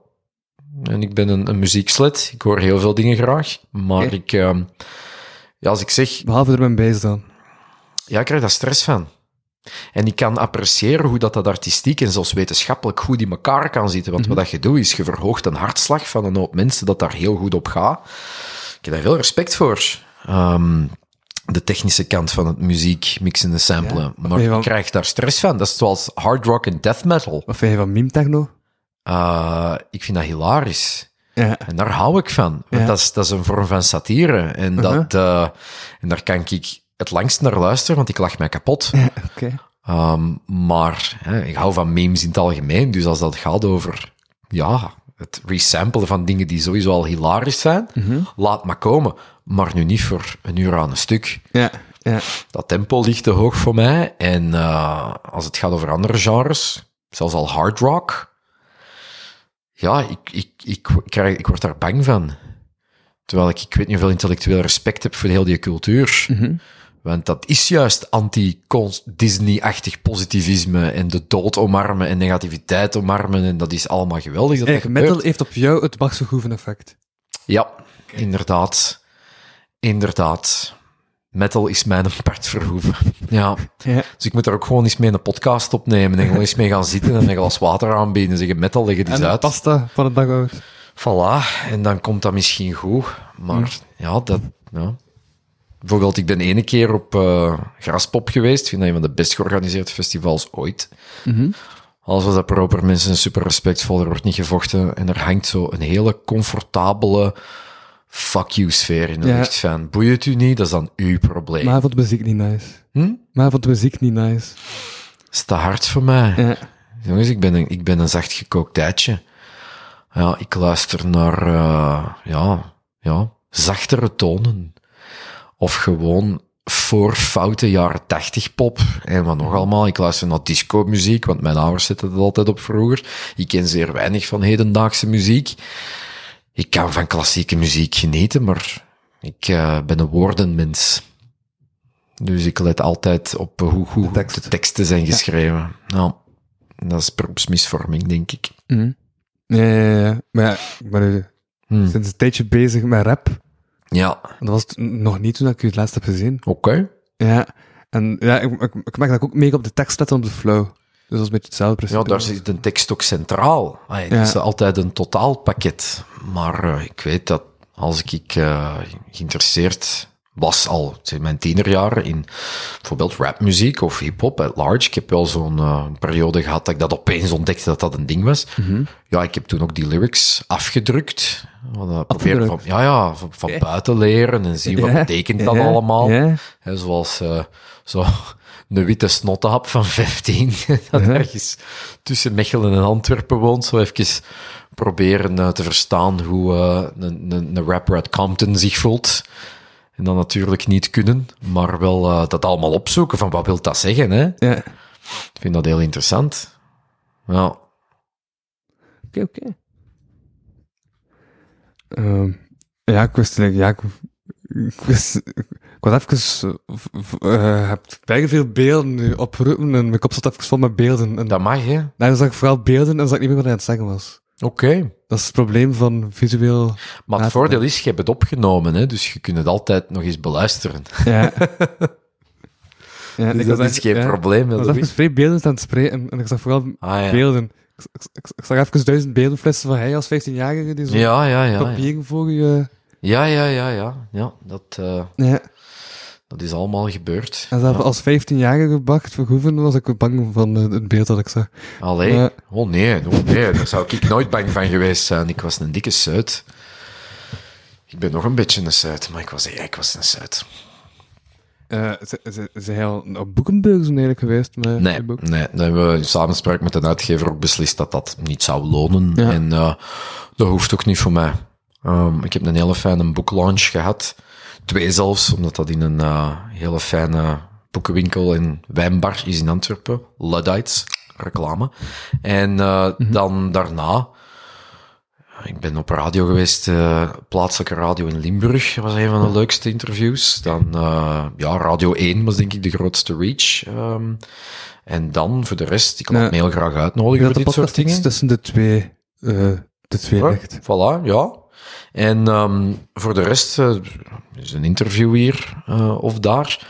Maar eh, ja, ook, dat klinkt nu raar, maar dat boek, ik weet, ik ben blij dat ik dat af heb gekregen en ik, ik ben ook blij met het resultaat. En, maar ik ben nu, ik ben daar meestal ook niet meer aan aan het denken. Ja. Eerder denken, wat ga ik nu doen?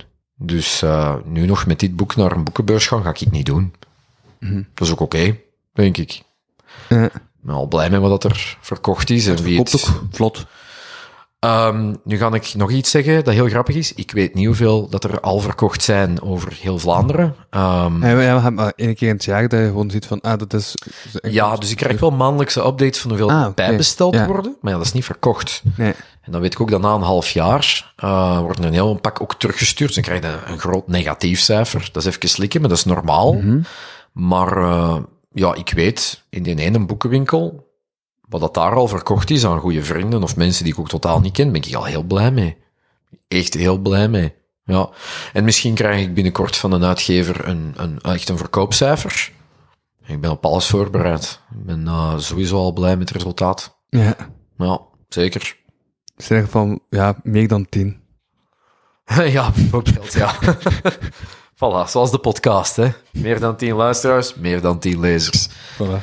Ja, the only way is up, al de rest is extra. Ja, dat is ook dezelfde... Dezelfde insteek. Ja, ja. die luisteren nu naar dit gesprek, omdat het met jou is. En die denken, eigenlijk heb ik dat boek daarvan gelezen. Hmm. Ah ja, Maar kijk, dus, eh, eh, was tof. maar kijk, tussen haakjes de naam met bal daar zetten of met Bart Verhoeven, dat ben ik nu even gewoon aan het pijzen. Ah, je moet echt Bart Verhoeven zeggen, die andere naam. Ik had, ik had een Facebook-profiel dat zo heette. Eh, omdat ik toen ook wel... Bal daar kotje nou. Dat is juist, goed onthouden. Maar dat hebben ze offline gehaald, want dat is een, dat is een, dat is een, een, een valse naam. En dat, dat klopt. Dus eh, nu besta ik als Bart Verhoeven. Nu moet ik als mezelf, digitaal, sociaal, media gewijs door het leven. Fair enough, Facebook. Dat is een totaal ander leven. Dat is een heel ander leven, ja. Ja, Ja. ja dat is minder verstoppen, hè. Dat is, eh, dit ben ik. Ja. Ja. Dus dat pseudoniem gebruik ik eigenlijk niet meer. Ik denk alleen op beleg van Antwerpen staat dat er nog bij. Was het dus echt een beslissing gewoon van dag op dag van, ah, nu ga ik gewoon onder Bart Verhoeven... Ja, dat profiel was offline gehaald. En, en dan heb ik ook vrij snel de beslissing gemaakt, ja, dan maak ik gewoon eh, het profiel als mezelf. En eh, op den duur ontgroeide ook wel bepaalde dingen. Hè. Eh, in het begin gebruikte ik liever pseudoniemen, omdat ik ook niet wist, wat is daar het effect van? Nu lig ik daar niet meer van wakker. Ja, en zoals jij zegt, er bestaan zodanig veel Bart. Voilà, ik kan mij verstoppen in de massa. Ja, Dat ze mij maar vinden. Dus al die Bert Verhoevens. Ja, van Vlaams Belang tot PvdA. ja. Ah. Hebt natuurlijk wel uw kenmerkende jas. Dus, eh, Dat is een heel goed punt, dus ik ga misschien toch wel wat vaker van outfit moeten veranderen. Je, je wijst mij hier op een zeer gevaarlijke ja, attitude toch wel. Nee, ja. als je drie maanden geleden hebt gezien, het is altijd Ja, zo'n ik jas. ben altijd, altijd hetzelfde uit. Ja. Dat is een goed punt.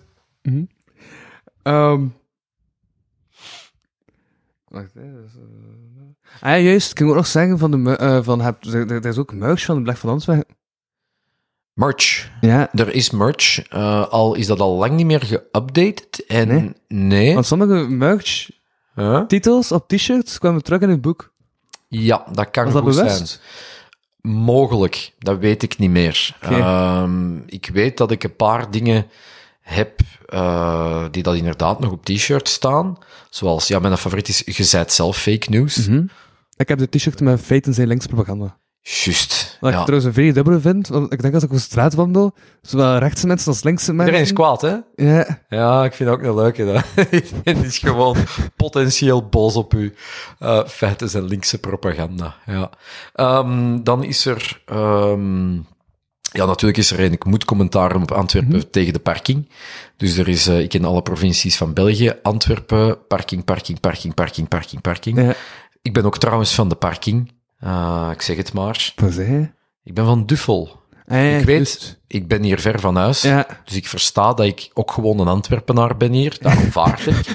Dat, neem ik weet, alles voorbij Zwijndrecht, dan, dan, ben ik, dan ben ik gewoon een Antwerpenaar, maar ik ben geen Antwerpenaar. Waar dat ik vandaan kom, zijn, zijn mensen er heel van, nee, nee, nee, nee, nee. Wil je dichter bij Mechelen. Dat boeit totaal niet. Mechelen, dat is niet provincie Antwerpen. Jawel, Dat maar Antwerpen stad, je moet verstaan dat ook de rest van de provincie Antwerpen Ja. kijkt naar Antwerpen stad zoals dat hier gebeurt. Ah, echt? Het is echt de stad, hè, die dat dat doet. De provincie heeft geen streek. Ik ben al in de Kempen geweest. Allee, de provincie is oké. Het is, het Ja. is de stad. Ja. Het is, de stad is stad en de rest is parking. Niet de provincie. Ah, oké. Nee, nee, nee, nee. Nee, Ja, ik dacht altijd dat het de provincie ging. nee jong. De provincie, Ah. De provincie heet Antwerpen omdat Ja? de stad zo'n groot ego heeft. Ah ja. Maar de Bart Somers wilde toch even de provincie Midden-Brabant Ah omdopen, omdat dat helemaal niet gewoon Antwerpen is. Ja. Ja, dat, dat gaat niet gebeuren. Maar ehm, nee, nee. ik, eh, ik ben van de provincie, maar niet van de, van de stad oorspronkelijk. Maar ik woon Die cultuursubsidies in Antwerpen, dat is ook eh, de stad Antwerpen. Dat weet ik niet, dat hangt er vanaf. Er zijn stadssubsidies. Want dat is toch heel met Antwerpen. Jan Bon en die subsidies in Antwerpen? Ja, maar ik weet niet welke subsidie van waar Ja. komt. Je hebt eh, Vlaam, Vlaanderen geeft subsidies, provincie, stad. Dat kan van overal komen. Hm. Federaal, neem ik aan. Maar ja, cultuursubsidies zullen niet federaal zijn. Nee, nee, het was de stad. Ja, ja, Ja, het de is stadssubsidies. Ik heb dat artikel gelezen. Denk ik. Ja. Maar, eh, eh, heb je daar nog niet van gehoord? Van? Maar welke De subsidies? cultuursubsidies? Die Ja. per stad worden bepaald en elke stad krijgt te haalt, maar dan mogen ze zelf kiezen van, ah, geef het even uit aan cultuur of niet. Ja. Wat al raar is, van, krijgt te haalt voor cultuur en dan moet nog kiezen Ja, van, maar aan krijg- cultuur. Ja, Ehm, en dan beslist Antwerpen van, we gaan dat niet doen voor drie jaar. En dat is oké. Dat mag. Want dat is bepaald tussen 16. ja, kijk, in dit politiek klimaat Ja. kan dat blijkbaar. Dan Ah, hebben ze daar zoveel stadsdichters en die kregen niet. Want de stad beslist van, ah nee, we doen dat niet. ja, ja. Er is natuurlijk ook recent een conflict uitgebroken tussen de stadsdichters en het stadsbestuur. Absoluut. Ah, Er is een stadsdichters eh, opgestapt, omdat dus... ah ja, juist eh, omdat ja, ze niet... eh, was de antwoord dat ze iets niet mochten schrijven, dat ze toen zeiden van... Ja, zij hadden een gedicht geschreven over toestand in het onderwijs. Ja. Ehm, dat ging over vooroordelen tegen BSO en TSO vooral. En ja, daar was dan de cultuurschepen, denk ik, in eh, Antwerpen eh, niet mee opgezet, omdat natuurlijk, ja, beide zijn van NVA-kleur, de schepen en de minister van Onderwijs. Ik kan niet hard maken dat dat de link was, maar dat wordt toch algemeen eh, verondersteld. En dan, ehm, ja, mocht dat denk ik niet ergens verschijnen, ergens niet verschijnen in het stadsbeeld. En dan is hij ook uit protest opgestapt, waar ik respect voor heb. Dus ja, dus het is altijd wel ergens hommeles. Hè. En daarmee dat hij nooit stadsschrijver gaat worden. Ah, ik ben gewoon niet goed genoeg. Ik heb schrijf niet genoeg. Ik ben geen dichter. Nee, nee, het is geen statement. eh, ik kom niet in aanmerking. Er zijn, er zijn dichters die dat dichters zijn. Ik eh, schrijf heel graag en af en toe zit er iets tussen dat poëzie lijkt, maar ik ben geen dichter. Nee, nee, nee, dat ga ik zeker niet Ja, maar heb je pretenderen. Facebook toch poëzie gezet? Af en toe zet je op Facebook po- eh, gedichtjes. Ja, ik, maar ik schrijf dat wel graag. Ja. Maar ik, ik, ik, ik, ga, ik ben niet van dat kaliber. eh. nee, absoluut niet. Ehm, nee, nee, dat, dat echte dichters daar maar voor in aanmerking komen. Ik doe dat voor mijn plezier en eh, zeker niet zo frequentelijk. Hm. En eh, ik denk ook niet zo goed. En dat is oké. Ja. Want wat dat je voor de leut doet, is al genoeg op zich. Ik ga nog eens drinken, is dat oké? Nee. Oké. Ga het toch doen. Zo rebels. Dat is wel even zegt, zeker? gaat over, ja, dit gaat over een levensnoodzaak. Hè. Dat zijn grenzen, Louis. Maar goed, voilà. Water is eh, ja, een basisprincipe. Ik ga je eens een vraag stellen. Ja? Ehm, ik vroeg mij af, staat er ergens iets in mijn boek waarvan je denkt, dat is bullshit? Want dat vind ik interessant. Staat er iets in een boek Maar dat bullshit ik is veel gezegd, maar dat je denkt van, nou, ik weet het niet. Ja, want dat vind ik eigenlijk altijd interessanter. Hmm. Dan dat er, het is altijd leuk als mensen zeggen, ja, dat vind ik ook, maar dat vind ik niet, is eigenlijk interessanter. Dus ik vroeg mij dat af. Nee. Nee, dat niet. Oh, dan moet ik eigenlijk gewoon een boek schrijven vol, vol met dingen waar dat je het mee oneens kunt zijn. Ja, maar ik, maar ik, ik vind... Ja, ik, ik, ik weet niet. Ik hoor soms... Ik, ik heb het juist ook gezegd, ik hoorde die mening van die gast, dat hij dacht van, ja, er wordt niet gediscrimineerd. En ik dacht dan tegen tijd van, ja, je zegt wel van, ah, discriminatie is toch niet oké? Dus dan ga ik zo, ja, oké, dat zit er wel in. En dan gewoon die boodschap zo aangenomen en Ja. zo opgevangen. En ik Ja. ik onbewust gewoon altijd kijk van, welk deel van de boodschap die hij nu net heeft, kan ik opvatten in Sure, die ja. zin dat dat, dat oké is. Omdat uiteindelijk is het altijd voor interpretatie vatbaar. Dat is Ehm. Ik geef altijd de interpretatie die past bij mijn eigen ideaal of zo. Waardoor dat ik niet met het probleem loop dat ik kwaad word en begin te fulmineren. Nou, ja, ik kan dat niet. ik beheers dat talent niet. Nee, nee. Ja. Ik trek soms te rap conclusies. Ah ja. Ik zat hier al langs Oké. ook effectief met iemand die zo... Want dat, want dat vond ik dan wel weer van herkenbaar of zo. Van die mensen die dan zo in... eh dan zo de binding willen met de natuur en de natuur zien als iets dat meer is dan gewoon de natuur. Mhm. Ah, zo naar een spiritueel Ja. niveau gaan ver... als zelfs daar zitten dan ideeën van dat ik denk, ja, maar wacht, eigenlijk bedoel je gewoon dat. Want die begon dan over, ja, moet like, de ruimte opzoeken. En dan af, afzien van de term. Maar dan ging het dan over dat je de ruimte moet opzoeken. Dat je jezelf eh, eh, veiliger voelt. En dan dacht ik, ja, dat klopt. Mhm. We zijn net tevreden in een ruimte dat je veiliger voelt. Dus Ja. het is gewoon de benaming die je heeft of zo. Of de omschrijving die het heeft, maar het is wel De bijna dezelfde- bovennatuurlijke waarde die je aan de natuur toeschrijft. dezelfde basis. Mhm. Ik weet dat ik dan gewoon denk van, oké, ja, dat, dat is de basis, dat klopt. Je hebt een veilige omgeving nodig, want dat is Veilig. belangrijk. Ja. Eh, en voilà, dan, dan begrijp ik het volledig en dan heb ik je gelijk. Dus zo kijk ik naar dingen waar ik niet iets dat ik... Ik benijd dat bijna. Ik benijd dat niet bijna, ik benijd dat wel degelijk. Ja, Ja. Want ik was al drie keer kwaad geworden, denk ik. ah, Ja. ja, ja. Ja. Ja, nee, ja. Ja. Is dat zo atypisch? Ik weet niet of dat, atypisch is. Ik ben ook maar gewoon mij. Uh, Uh-huh. Maar ehm, Ja, en misschien heeft eh, heel de coronasituatie dat erger gemaakt, want ja, dan zit er veel binnen. En je zit natuurlijk makkelijker dan online te staren naar wat andere mensen delen. Maar ik weet wel wat je nu omschrijft, zo die eh, verheving van het... ehm, van, van dingen in de natuur boven bijvoorbeeld het wetenschappelijke, alsof die van elkaar gescheiden zijn. Ah, ik krijg er echt steenpuisten van. Uh-huh. Ja, ja. En dan denk Oh. ik ook van, ja, je hebt toch zo heel de, eh, de game-theorie van dat dieren gewoon vrede wezens zijn en dan ga je daar aan een voorbeeld aan koppelen. Eh, Mhm. dus dat, dat vind ik dan wel raar. Ja, dat is dat ik raar vind. Want ja, dan zeg jij in het boek ook van, dat is gewoon raar. En Hmm. dan zal ik je gelijk. Oké. Ja, eigenlijk had ik je overal gelijk. Allee, dat is makkelijk. Ja, Kun je mij zo gewoon blijven volgen heel de dag? Dat je constant van iemand gelijk krijgt? Nee, nee, niet doen. Dat is niet gezond ik ben bang van u. Ah ja, dat is juist. Ja, Ja, geef mij daarom gelijk, want... nee. Oké. Maar ik dat toen dat ik antwoordde op die vraag, dat ik even wegkeek, zodat minder confronterend was. Oké. En zo kon ik eerlijk antwoorden. Oké. Hm. Door aanwezigheid te, te negeren. Vond ik eerlijk antwoord.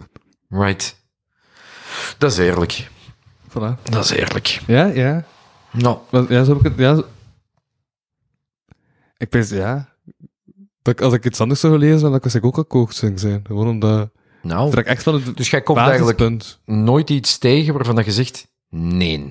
Om, wat, ik denk gewoon... Moet toch wel? Mhm. Of ze moeten gewoon al heel ver gaan bij u. Nee, omdat ik dan gewoon zo- zoek van... Wacht, maar... Hoe kan dit nog altijd waar zijn? Maar zelf een extreem rechtspersoon pijs ik van, ze zijn gewoon bang. ja, ja, maar Dus dan natuurlijk. pijs wij ik van, oké, hij is bang, dus ik ben het niet eens met u, maar hij is bang, dus ik snap wel waarom Ja. hij het doet. En ik denk dat Ja. ik gewoon... Nee, oké, het is inderdaad meer begrip dan, dan eh Ja, mee eens zijn. Dat is een ander Right. woord. Ja, nu dat ik er meer over nadenk, getoond begrip. is het ander... Is, is toch een ander, het is een nuanceverschil. Ja, dat is het inderdaad wel. Ja, Mhm. Ja, dan, maar dan begrijp ik het ook beter. Want ik ben ook niet... Ik ben zeker niet eens met iedereen over alles, maar het kunnen begrijpen van en, en in dialoog kunnen gaan met Ik en die be- proberen denken door het dat begrip dat ik me niet direct kan herinneren van waar was ik nu fundamenteel mee oneens, omdat... Mm. Ik vind fundamenteel ook zo zwaar. Fundamenteel is inderdaad het woord dat het probleem is. We zijn heel, ik denk toch in deze samenleving, hoe tolerant dat we ook denken dat we zijn, we zijn wel terug aan het neigen naar een soort fundamentalisme van het ik. Ja, een zo'n dictatuur van het hier en nu heb ik ik gelijk over alles. En dat is kei belangrijk dat ik mij gelijk haal. Maar dat ehm, laat heel weinig ruimte over, weinig rek om, eh, om de boel samen te houden. Ja. Ja. Ja, ja, ja. Ik vind het ook altijd raar als ik mensen zie die zo sociaal ongemakkelijk zijn. Mhm. Omdat op de trein is iedereen toch sociaal ongemakkelijk? Ja, dat is ook een. eh, we, zijn, we zijn dan in een gesloten ruimte. Ja, Die dat kei snel aan het reizen Ja. is. Met mensen die we niet kennen. ja, En we weten dus ook niet tot wat dat die in staat zijn. En we weten nog niet wat ze van ons willen. ja. Als ze al iets willen, hopelijk niet. uh-huh. En natuurlijk heb je daar ook de regel, in- binnen, binnen de Vlaamse cultuur zeker, van zitten en zwijgen. Mhm. Dus dan, dan is er niet veel marge, hè. Als je dan al begint mee te zingen met je iPod, whatever, eh, dan, dan, dan, dan, dan zeggen wij er niks van.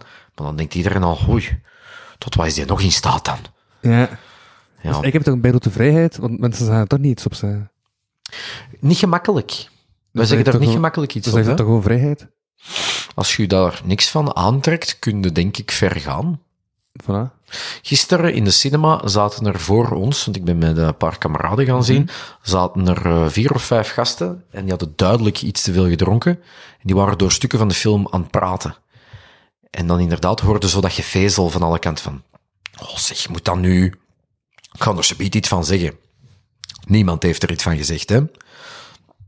En ik vraag me, ik ook niet, hè. En ik vraag me dan af, waar ligt voor mensen het breekpunt? Ja. Want dat, dat moet toch wel ergens liggen. Maar blijkbaar is dat ook... Ik, ik heb autisme ook, hè. Ja, Maar Blijkbaar is ook wel iets autistisch dat je daar rapper op gaat reageren. ja dat, dat is inderdaad een van de, ja, van de eigenschappen daarvan. Hè, van ik ga, ja, dat je misschien de, de spanning in de zaal op een andere manier ervaart of niet ervaart, Ja. dat dat u niet tegenhoudt. Mhm. Ik voel die bijna fysiek. Ik voel spanning tussen mensen bijna fysiek en dat kan heel beklemmend zijn. Dat heeft voordelen en dat heeft nadelen. Het nadeel is, ik moet mij over heel wat bruggen zetten, wil ik tegen die gasten zeggen, mannetjes, wil je dan een smoel even houden? Want wij proberen ook naar die film te zien, waar we allemaal betaald voor hebben. Mhm. Want ik trek bij alles aan. Hè, want ik voel elke spanning. En jij voelt die niet? Of jij voelt die anders? Jawel, jawel. Eh, maar ook niet. mm, ja, situatiegebonden. hè. Tuurlijk, tuurlijk. Ja. Ja. Nee, nee, ik voel die, ik voel die heel hard. Dus ja, nee. mm, maar nee.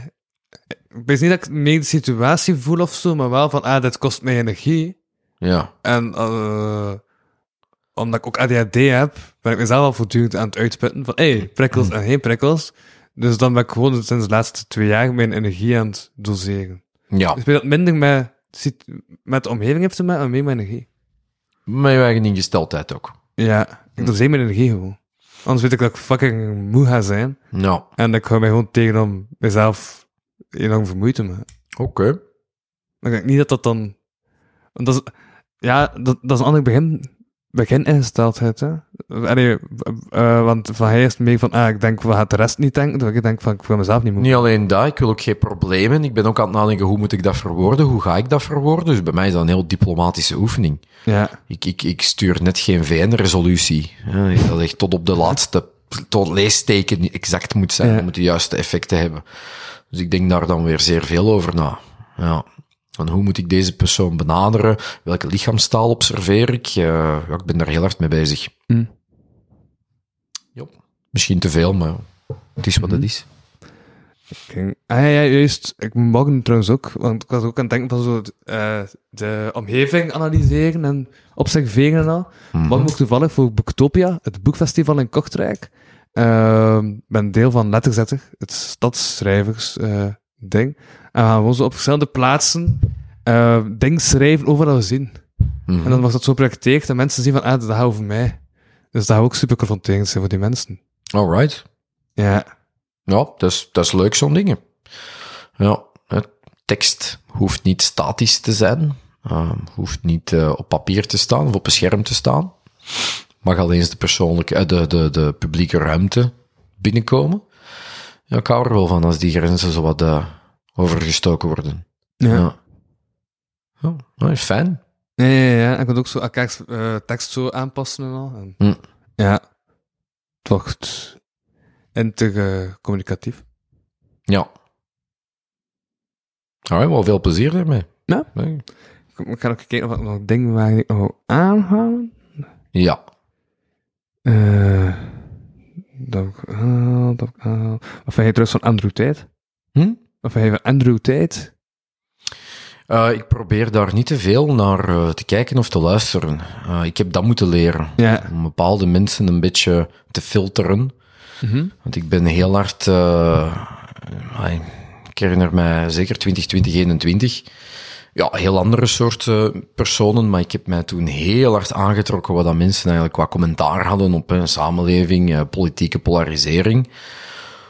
Dus ik eh, weet daar zeer weinig van. Ja, zoals mijn leerlingen hebben mij dat al gevraagd. Maar ik eh, heb het gevoel dat ik daar even van moet wegblijven. Ja. Ja, voor mijn suikerspiegel. Ik was even... Ik heb een half geluisterd naar wat hij zei. Ja. Ik was ook half aan het denken van... Om op dat punt terug te komen, van dat hij zei van wat ik niet eens was of zo. Hmm. dacht ik ook van, ik heb dat boek meegelezen als een soort van, hoe dan, ja, al- als een soort van manifest. Want dat is ook een manifest. Sure. Ehm, Dus ik was even aan het denken van, ah, we, leren, we leren ook bij als we het niet Ja. eens zijn. Hè. Het, het, Ja. het verrijkt sowieso om eh, een ander perspectief te kunnen dus ik was niet bezig met, ah, ben ik het hier gewoon eens of zo. Sure. Ja. Dat, ja, Nee, nee. Ik, mijn eigen, eh, bijvoorbeeld mijn, mijn onderzoek lang geleden ging over vrij extreemrechtse organisaties in de VS. ja, in maar de jaren daar 60, ben ik daar niet hebben we het over gehad. omdat ik gewoon... En ik, ik ging het nooit Ja. eens zijn met die mensen, maar ik Ja. was wel oprecht geïnteresseerd. Waar komen die ideeën vandaan? Wat, wat voor effect hebben die ideeën? Hoe organiseren die mensen zich? En als ik dat van op de juiste afstand kan observeren, dan, dan word ik ook niet Ja. getriggerd. Dan is dat Ja. eerder, Oh, ja, ah ja, zo zit dat in. Dus zo heb ik het boek Waar benaderd. komt die complottheorie vandaan? Eh, ah, dat is daardoor geïnspireerd. Ah, die gast zit dat te verspreiden via die kanalen. Die worden gesponsord door die. Ja, dan kan ik daar onderzoeksmatig mee omgaan. Het is daarmee dat ik niet kan antwoorden op de vraag van, was je met dingen niet eens? Want ik was niet mee bezig. Oké, kijk Dat goed. ik met dingen niet eens was. schitterend. Ja. Hm? ja, het kwam even op dat ik het zo heb benaderd en dat daarom dat ik niet kon antwoorden op de vraag. Gewoon omdat ik Geen enkel probleem. het zo heb benaderd. Ja. Oké. Dat snap ik. Ja, Ja, dat snap ik zeker. eh, ja, dus daarom kan ik niet antwoorden op die vraag. Oké. Ehm. mhm. Hey, wat, wat mij langs ook weer opviel, is dat cartoons en zo toch ook wel een bron zijn van eh, nieuwsvergaging. Omdat ik zag eerst een cartoon van Lecter over eh, soep op kunstwerken, en dan heb ik het opgezocht, en dan zag ik pas, ah ja, er geeft iemand soep over kunstwerken. Ah ja, ja, ja. Dat, eh, men reageert zo snel in die genres. Qua commentaar, qua ja, satirische commentaar in, in Lecters geval, visueel satirische commentaar, dat dat soms de, de, de originele nieuwsbron al voorbij steekt. Tuurlijk, we zijn zodanig hyper geconnecteerd dat als je een Instagram open doet en je ziet eerst een cartoon staan, dat je dan pas gaat kijken, waar gaat dit over? Oh, wauw, iemand heeft wat gedaan? Dat is mij ook al overkomen. Ja, dat is mij al zeker Dus ik is dat een nieuwe bron van informatie, ja. Hm? Dus eigenlijk is dat een nieuwe bron van informatie, want het is de manier waarop dat eerst binnenkomt. Tuurlijk. Ja, het is, het is in, inderdaad maar een bron zoals een ander, die dat eh, concurreert met de... Ah, hij concurreert met... Nee, eigenlijk niet, want als je zoiets ziet, dan gaat het naar een, Ja, een echte nieuwsbron. Het is een reactie op nieuws, hè. Ja. Ja, maar soms heb je de reactie eerst. En dat is Dus dat is dan een secundaire bron gewoon. Soort van, ja. Ja. Dan gaat de eerst, ja, komt de eerste commentaar tegen. Maar ja, dat is het principe, hetzelfde principe als dat je een bakker binnenwandelt en je hoort twee mensen bezig over zeg, wat is dat daar allemaal in Oekraïne? En je weet nog van niks. Dan gaat opzoeken wat het er is, hè. Ja, ja, ja, ja, ja. Tuurlijk. Ja. We zijn het denk ik gewoon heel hard gewend dat, dat we meteen op de hoogte zijn van alles. En dat is historisch gesproken zeer eh, uniek. Wij zijn zeer snel op de hoogte. Ah, wel, we hadden het over The Crown. Dat Ja. vind ik daar ook heel speciaal aan. De Queen heeft lang niet geweten dat ze koningin was. Want die zat in Kenia. Die was eh, op staatsbezoek. Ja, ja, in eh, Kenia was toen nog een eh, Brits protectoraatkolonie. En ehm, haar vader is gestorven natuurlijk in, in, in Engeland zelf. En zij wist dat niet. Ze ah, zijn die moeten gaan zoeken. Want ja, er was geen internet uiteraard. En ook geen telefoon. Nee, waar dat zij verbleven, konden ze haar niet onmiddellijk bereiken. Ja.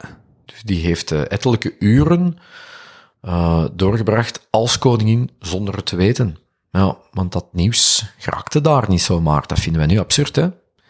Ik herinner mij het moment, ik zat aan mijn laptop, want ik eh, kreeg een bericht op mijn WhatsApp. Ik was een tram aan het pakken, ik kreeg een bericht op WhatsApp, de queen is aan het sterven. Ja. Dan heb ik dat in vijf andere WhatsApp-groepen gezet, en zo verspreidt dat om Maar zich onmiddellijk. dat de koningin nog koningin was toen dat ze, eh, eh, toen dat ze in, de in, in de kist lag? Nee, Omdat de kroon nog op de kist lag? Oh, dat kan dat er ergens zo een, een, een obscure... ja, je bent... Charles is koning geworden op het moment Ja. dat de koningin gestorven is. Maar ja, is wel de kroon nog niet. Nee, maar er zijn ook vorsten geweest die niet gekroond zijn geweest. Eh, je hebt hè, de vader van de queen, George VI, en dan zijn broer is minder dan een jaar koning geweest en is nooit gekroond geweest. De kroning is een soort... Een beetje gelijk je plechtige communie doen. Maar je bent al gedoopt. Dus dat Ja. is een confirmatie. Met heel veel toeters en bellen. Ja. Dan kan niemand er moeilijk over doen. Maar dat heeft natuurlijk meer te maken met ceremoniële... Zo'n beetje... Dat is flexen, hè. Van kijk, dit is nu de vorst. Ja, symbolisering. Ja, je wilt, je wilt macht etaleren. En dat zijn ook van die verbindende eh, rituelen. Niet iedereen hoeft er eens mee te zijn natuurlijk, dat dat een nut heeft. Maar dat heeft een, soort symbolisch nut. Maar Charles was eigenlijk meteen koning. Mhm. En hij wist het, want hij was er wel bij. Ja.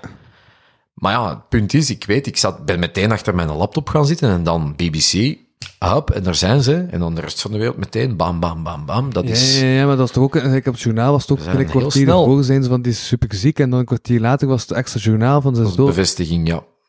Ja, dat is iets dat onze voorouders dus nooit geweten hebben, hè, van wauw, hoe snel kan nieuws reizen. Ja, ook het feit dat er nu extra journaals zijn. Was vroeger toch niet? Eh, was minder. Ja. was minder. Maar ja, die moeten ook concurreren met het internet. En niet alleen met nieuwsites, nee, met sociale media. Die zijn nu eerst. Hm. Ai, als er iets gebeurt in de wereld, eh, Mijn WhatsApp zegt het mij voordat mijn nieuwsapp het zegt. Ja. Bijna. Het scheelt niet veel, want ik check mijn WhatsApp vaker. Maar, eh, uw WhatsApp? Of, of- hoe komt dat dan via WhatsApp binnen? Wel, stel dat er nu een aanslag ergens gebeurt. Ja. Ik krijg dat in op zijn minst drie WhatsApp-groepen of gesprekken, krijg ik dat meteen binnen. Ehm, en dan pas ga ik het nieuws checken. Ah ja, ja. Dus ik weet de meeste dingen die gebeuren rapper door mijn sociale media. Maar het nieuws is wel of ik geen... Ja, ja, maar iemand Ja. heeft dat gewoon meteen gezien Ja. en deelt het met Ja. mij voordat ik een krant open doe, voordat ik naar de radio luister. Dat auto, zoals wat ik zei van die cartoon. Voilà, Ja, ja. Ja, ja. Dus ik krijg het eerst zo binnen. We zijn een hele snelle maatschappij. Mhm. Zie maar dat we niet geflitst worden. Hè? M- eh, en dan ook met de beleg van Antwerpen, dat je zo... Ja, binnen een bepaalde tijdspanne moet... Tuurlijk, ja, ja, zeker. Dat is ook... Ik ervaar dat niet als een druk, want dat moet ook niet schrijven. Ehm, je, je, je mist ook sommige dingen gewoon. Hè? En ehm, ik ben ook niet meer zo neurotisch el- elke dag het nieuws aan het checken. Maar je moet snel zijn, want anders is niemand daar nog mee bezig. En dat heeft gigantische verschillen qua hoe viraal dat een artikel of een post of zelfs een meme kan gaan. Als je dat binnen de zoveel uur doet, dan zijn mensen er ook over bezig. En dan gaan zeggen, amai, check deze, dat gaat daarover. Maar wachtte jij daar een dag te veel mee? Nobody cares. Mm. Dat heeft een heel kort shelf life. Tenzij dat je natuurlijk artikels schrijft over dingen die dat eerder over onze levenswijze gaan. Hè? Die dat eerder over, eh, of culturele iconen die dat relevant blijven. Maar eh, actualiteit... Ja, stel dat je een grapje maakt eh, over iets dat zo bekend is, dat je dat morgen ook kunt doen. Eh, ja. FC de kampioenen bijvoorbeeld, hè? je maakt daar iets over. Zoals dat er nog steeds van over parachute mocht worden gemaakt. Ja, voilà. Dus dat je, dat je inderdaad een, eh, een thema kiest dat, grappig blijft en ja, dat relevant blijft, ja. Maar als je op de actualiteit inspeelt, ja, hij pakt een professional als lector, maar pakt ook een professional nu wel een Stijn de Pape, ja, met gedichten deed. Dat zijn deadlines, Ja, hè. ja. Zeker als dat in de krant moet verschijnen. Ik heb dat probleem, dat is mijn website. En ook, dat heeft dat bereik ook niet, natuurlijk. Maar je moet snel zijn. ja, en Stubru was te laat onlangs Was überhaupt te laat? met de steggen. Met? De steggen van Kimberly, Ja? die uit Kortrijk, met Ja. 14 steggen. Ah, ja, ja. Maar Hebben ze 15 jaar na datum er nog een mop over gemaakt? Dat was te laat. Ehm, wel, misschien. Dat, dat, dat hangt een beetje van de grap af. En dat hangt ook een beetje af van... eh, ja, hangt van, ja, hangt van de grap af. Ja, Want je kunt zo'n dingen altijd terughalen. Ja. Dan wordt dat een nostalgiefactor. ja. Dus dat gaat wel. Want- maar in principe kunnen ze ook... Ze maken nu een film over de Zillion. Uh-huh. Maar dat is ettelijke jaren geleden. Nu wordt dat door die film juist weer actueel. scherp, want dus, maar dat was dan geen hetze van dat die Kimberly dan zoiets had van, ja, dat is niet oké. Maar dan was het iets van Wouter van de Hout en de gelegd. Mhm. Dan heeft week het daarover een sketch gemaakt. Ja. Van dat sociaal, ik heb op heel zo gezegd dat dat zijn tweelingsbroer was en dat hij die aan het pesten is en al. Aha. En dan hebben ze er wel een mop gemaakt over eh, dat, eh, dat hij dan gewoon 15 uh, andergelegd eh symbolen had op zijn gezicht. en ze gewoon eh, de, eh, eh, de Rus van hem gebeld, die tatoeëur, die dat steeds bij Kimberly heeft gedaan, Ja. zonder te rechtstreeks naar te bewijzen. En Ja. dat was dan wel terug. Ja.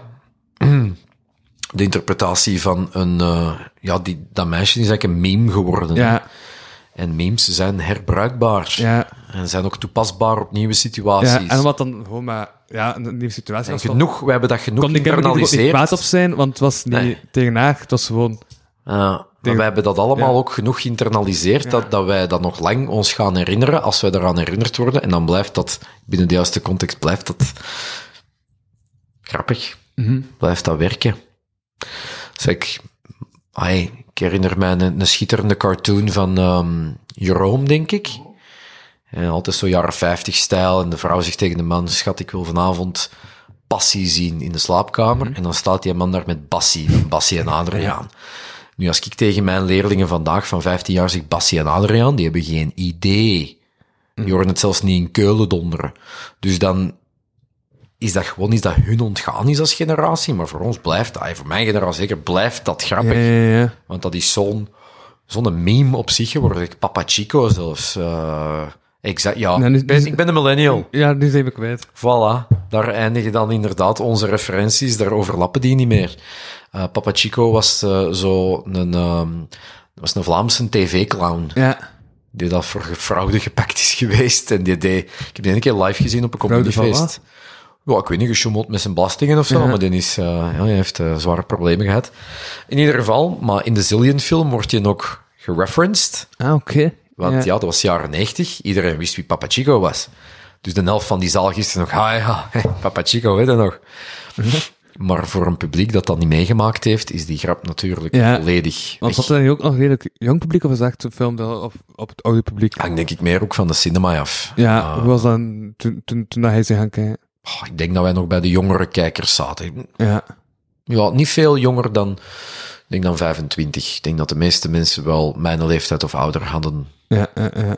Niet dat ik veel naar de zaal heb gekeken. Dus ik, zo- zou ik die film dan niet bereiken? Stel ik naar die film nu zou gaan kijken. Dat lijkt mij nog altijd een heel interessant tijdsdocument. Ik kijk Ja. ook naar historisch. The Crown, ik was er ook niet bij, hè. Ja. Toen dat eh, de Queen koningin is geworden. Ik ben geboren in 1986. Dan is het meeste van The Crown al gebeurd, denk ik. Ah ja, nee, ik ben halverwege haar reign eigenlijk geboren. Dus uiteraard, als je geïnteresseerd bent in ja, een cultureel icoon als de Zillion, gaat je film zien. Of Dennis Black Magic en van die dingen. Ja. Dat blijven wel eh, ja, interessante Ja, ja, ja. fenomenen. Ook voor mensen die dat niet bewust meegemaakt hebben. Hè. Ik geef nu les aan, aan kinderen die dat van na 11 september 2001 zijn. Als ik zeg 9-11, weten die wat 9-11 is. Ik weet ook wat een Titanic is. Hè. Voilà. Enfin ja, dat is ehm, niet noodzakelijke probleem. Er zijn een paar referenties die je niet gaat hebben. En that's it. Geen probleem, hè. Ja, zoals ik op het Chico en dan, dan ga ik dat niet bereiken. Allee, Maar nu, wel, nu wel, hè? Heb mij Voilà. uitgelegd. Nu wel, hè? Ga Voilà. jij daar zitten? Haha, juist. Je kunt hem googlen. Ik zou hem ook googlen. En als je dan een beeld hebt van Papa. Chico, dan gaat de grap goed landen. Zeg je googelen? Of was het googelen? Googelen. Is het niet googelen? Ik ben een millennial. Ik zeg googelen. Oké. Ik ben bijna een boomer. ik ben een oude Ja. zak, Louis. Ik weet effectief dat jij van de oudste gasten bent die... Ja. Tot nu toe te gast is. Ja, voilà. Het houdt mij jong. Ehm, ja. Nee, mijn generatie zegt googelen. Ja. Hij is ook de gast voor de quota. Huh? Hij is ook de gast voor de quota, omdat ik bejaarden ook een kans moet geven. Ah ja, voilà. Dat is, eh, dat is tof. Ik voel mij, ik voel mij welkom. Ja, dat is goed voor uw inclusiequota. Kun je misschien nog subsidies voor krijgen. Voilà. Ja. Niet van Antwerpen. Nee, dat denk ik niet, nee. Nee. Ehm moet ik hier nog staan? Ik ja, ik weet dat ik zo helemaal voor ben. Oké. Wacht, hè. Ja, dat, toch nog even checken. Ik, had, ik had een post gezien op Facebook dat hij ADHD zou hebben. en Nee, ADD in mijn geval. Ah ja, dat hebben ze toch getest. Ik moet me nog altijd laten testen. Ik ben 100% zeker. 100%. Ja, Zonder de H bij mij. ja. Ik vond ook wat frappant aan die post dat Zwitserland dus geen hoofdstad heeft. Nee, Is dat echt? juist. Hoe? Dat is eh, wel, ehm, die hebben eigenlijk geen federale regering. Die, dat is een Nee. confederaal model. Dus hè, bijvoorbeeld die wat Bart de Wever vaak over bezig is, hè, van België een confederale staat maken. Dat wil zeggen, geen federale regering niet meer. Bern is een soort administratieve plaats waar dat er wel, ja, dat, dat, dat heeft wel een functie, diplomatische functie. Ergens moet uw ambassades moeten ook staan, Ja, maar dat is geen hoofdstad. dat is gewoon waar het op de zaden staan. Ja, Ja, en die zullen misschien ook nog in consulaten en zo gaan ook in andere steden staan, maar Bern is eigenlijk geen hoofdstad, want Zwitserland heeft geen hoofdstad. En Wat ik grappig vind, hè, is dat Ja? op die post ook mensen echt kwaad zijn geworden. Van, ik zal toch wel weten, ik ben in Bern geweest. Ja, maar dat is geen hoofdstad. Ja maar, ja, maar ik ben in Bern geweest. Ja, maar ik weet dat Bern bestaat. Uh-huh. Ik trek dat niet in twijfel. Hè? Gilbert, zij kalm. Of Eddie, eh Dirk. En, eh, maar nee, eh, en dan moet ik echt aan Marcel en François en Nicole en Nadia en Sonja uitleggen. Mannetjes, ik weet dat je hebt geleerd dat Bern de hoofdstad is van Zwitserland, maar Zwitserland heeft geen hoofdstad. waarom leek dat dan? Ja, omdat je al... Dat, dat is gewoon makkelijk. Van waar ligt, de, hè, waar, waar ligt alle, alle shit in dingen? Ja, Bern, de hoofdstad, hè. Ja, Wij kunnen het ook niet vatten dat een land geen hoofdstad heeft, denk ik. Wij kunnen dat niet aanvaarden. Wij zijn daar nog heel binair in. Maar ja, Zwitserland heeft geen hoofdstad, die doen er niet aan mee. Dat is toch oké, denk ik, hè? Ja. Voilà. Er zijn nog landen die geen hoofdsteden hebben, maar ja, Ja? die, zijn minder, die zijn minder groot. Ah, ja, Dus, ja. Daar liggen we niet van wakker. Zo, als Vanuatu geen hoofdstad heeft, who the fuck cares? Dat is Vaticaanstad. Dat heeft een hoofdstad. Echt? Ja, Vaticaanstad. Is dat dan zijn eigen hoofdstad? Ja. Dat is, een stad-staat. Is dat ook zo met Liechtenstein? Nee, Liechtenstein heeft Vadus als hoofdstad. En dat is een hoofdstad. Oké. Ja. Dus ja, eh, Monaco heeft Monaco als hoofdstad. Ja. Ja, Maar dat heeft wel een hoofdstad. Nou, Ja. Monaco. Zichzelf. ja. Zwitserland doet er niet aan mee. Oké. Ja. I know. Dat is neutraal. Ehm, dat is een andere kwestie, maar het is, het is ook geen echt land zoals België dat is, met een federale regering voor iedereen. Het is ook geen land zoals, eh, ja, en- ik weet niet, eh, Nederland ook heeft eigenlijk twee hoofdsteden. Je hebt Amsterdam, de hoofdstad, en ook de politieke hoofdstad. Het parlement en zo ligt, ligt in Den Haag. Ja. En de Zuid-Afrika, die fuckers hebben drie hoofdsteden, hè? Drie. Drie. Ik weet het. Hoeveel moet er nog hebben? Zo, eh, ik denk, eh, wat is het? eh, ehm, Pretoria, ik denk Kaapstad en Bloemfontein. Die hebben drie hoofdsteden. Ja, dus daar zijn ze niet serieus niet mee bezig. Hè. En dan heb ik dan ook zo de consulaten en... Ja, die zullen verspreid liggen, maar je hebt een administratieve, dan heb je ook nog een, een juridische hoofdstad. Hebben we dat eh, zo het, Zo de scheiding van de machten en al. Voilà. En je hebt drie Ehm, machten, dus drie hoofdsteden. Kijk eens aan, voilà, de, de verlichting in de praktijk omgezet. Maar ehm, Ja. ik respecteer de Zwitsers wel voor het feit dat ze gewoon niet meedoen aan een hoofdstad. Zuid-Afrika vind ik bullshit. Kies eens een hoofdstad. Hmm. Ja, we hebben er drie. Ja. Oké. Maar, eh, nee, Misschien hebben ze gekozen en was het de derde keer goede keer. Misschien. Geen idee, nooit geweest. Maar, eh, voilà. Dus dat heb je geleerd uit mijn... eh, Ja, ja. Laat me kijken de Facebook-posts te bekijken. Dat Zwitserland zijn hoofdstad heeft. ja. Yes. Van de humaniaten, eh, is, is, eh, wat ik ook weer afvroeg, um, het concept is toch vrij gelijkaardig aan Nuchtland, maar dan over humanistische Ja, onderwerpen. dat, dat, dat klopt inderdaad. Nerdland is ook een groot voorbeeld van een Vlaamse podcast dat met Ja. wetenschappen te maken heeft. Ehm, maar natuurlijk, wij doen geen exacte wetenschappen. Nerdland doet exacte wetenschappen. Wij doen de humane wetenschappen. Dus de Ja. literatuur, geschiedenis, sociologie, ja, antropologie. Daar zijn wij eerder mee, eh, mee bezig. Ja. Ja. Ja. Ook al was het wel in de eerste aflevering, was het wel een mop die ook vaak in uh, Nuchtland wordt gemaakt. Is dat? Op. Maar ja, het is ook gewoon omdat dat mop is dat millennials maken. Namelijk, titel van mijn sekstape. Ah, ja, ja. Dat is een Maar ja, millennial die joke. komt van Brooklyn Nine-Nine, hè. Ja, millennial Dus joke. wij kennen onze memes, hè. Ja. Dus, eh ja. Is dat geen millennial? Ja, dat is toch echt een millennial meme? Dat is millennial humor, denk ik. Hè? Ja. Brooklyn Nine-Nine. Ik vibe er heel goed op. ja. Is Millennials. dat hetzelfde als That's What She Said? Ja, maar dat is nog ouder, denk ik. Ah, ja, oké. Ja, dat is nog ouder. En ik weet zelfs niet wat dat de herkomst daar vandaan is, maar title is sextape. Dat is, ja. Ja. dat is zeer millennial. Ja. Ik word er zelfs gelukkig van als ik het hoor. En ik weet dat Gen Z'ers ook met hun ogen rollen als, als dat passeert, maar Uh-huh. ja, wij doen alsof dat we daar niet mee bezig zijn. Ja. Ja, ja, ja, dat viel mij op. Ja, zo, ja, dat, dat, dat is voor millennial humor blijkbaar. absolute millennial humor. Uh-huh. Ja. Ja, ja. Ehm, ja. ja, vriendschappen verlogen door complottheorieën, zei je in een boek. Is dat echt? Heb ik wat gedaan? Vriendschappen verlogen door complottheorieën?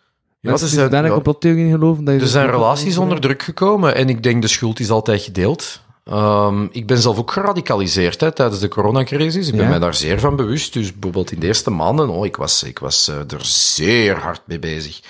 Natuurlijk, ik heb dat een beetje, denk ik, onbewust bewust gebruikt, half, om zo mijn burgerzin te bewijzen. Dan ga ik handschoenen aandoen, dan ga ik 25.000 maskers aantrekken, bijna, en uh, wow, niks aanraken. En ehm, dan botste heel hard met de mensen dat er zich natuurlijk ofwel geen fluit van aantrekken, ofwel die een heleboel ontkennen. Ik werd echt boos daarvan. Hè? Maar hoe durfde jij? Ja, is dat de beste houding? Waarschijnlijk niet. Uh, nu ben ik kalmer, maar uh, ja, dat heeft wel uh, een aantal dingen, relaties onder druk gezet. Ja, toch wel. En ik blijf, ik heb een hekel aan complotdenken. Ik zeg niet meer complotdenkers, want alle mensen zijn mensen. Uh, en ik snap ook wel ergens de pathologie erachter. Maar ik ben dat zo beu. Ik vind dat zo intellectueel lui. En arrogant zelfs. Van, wij weten beter.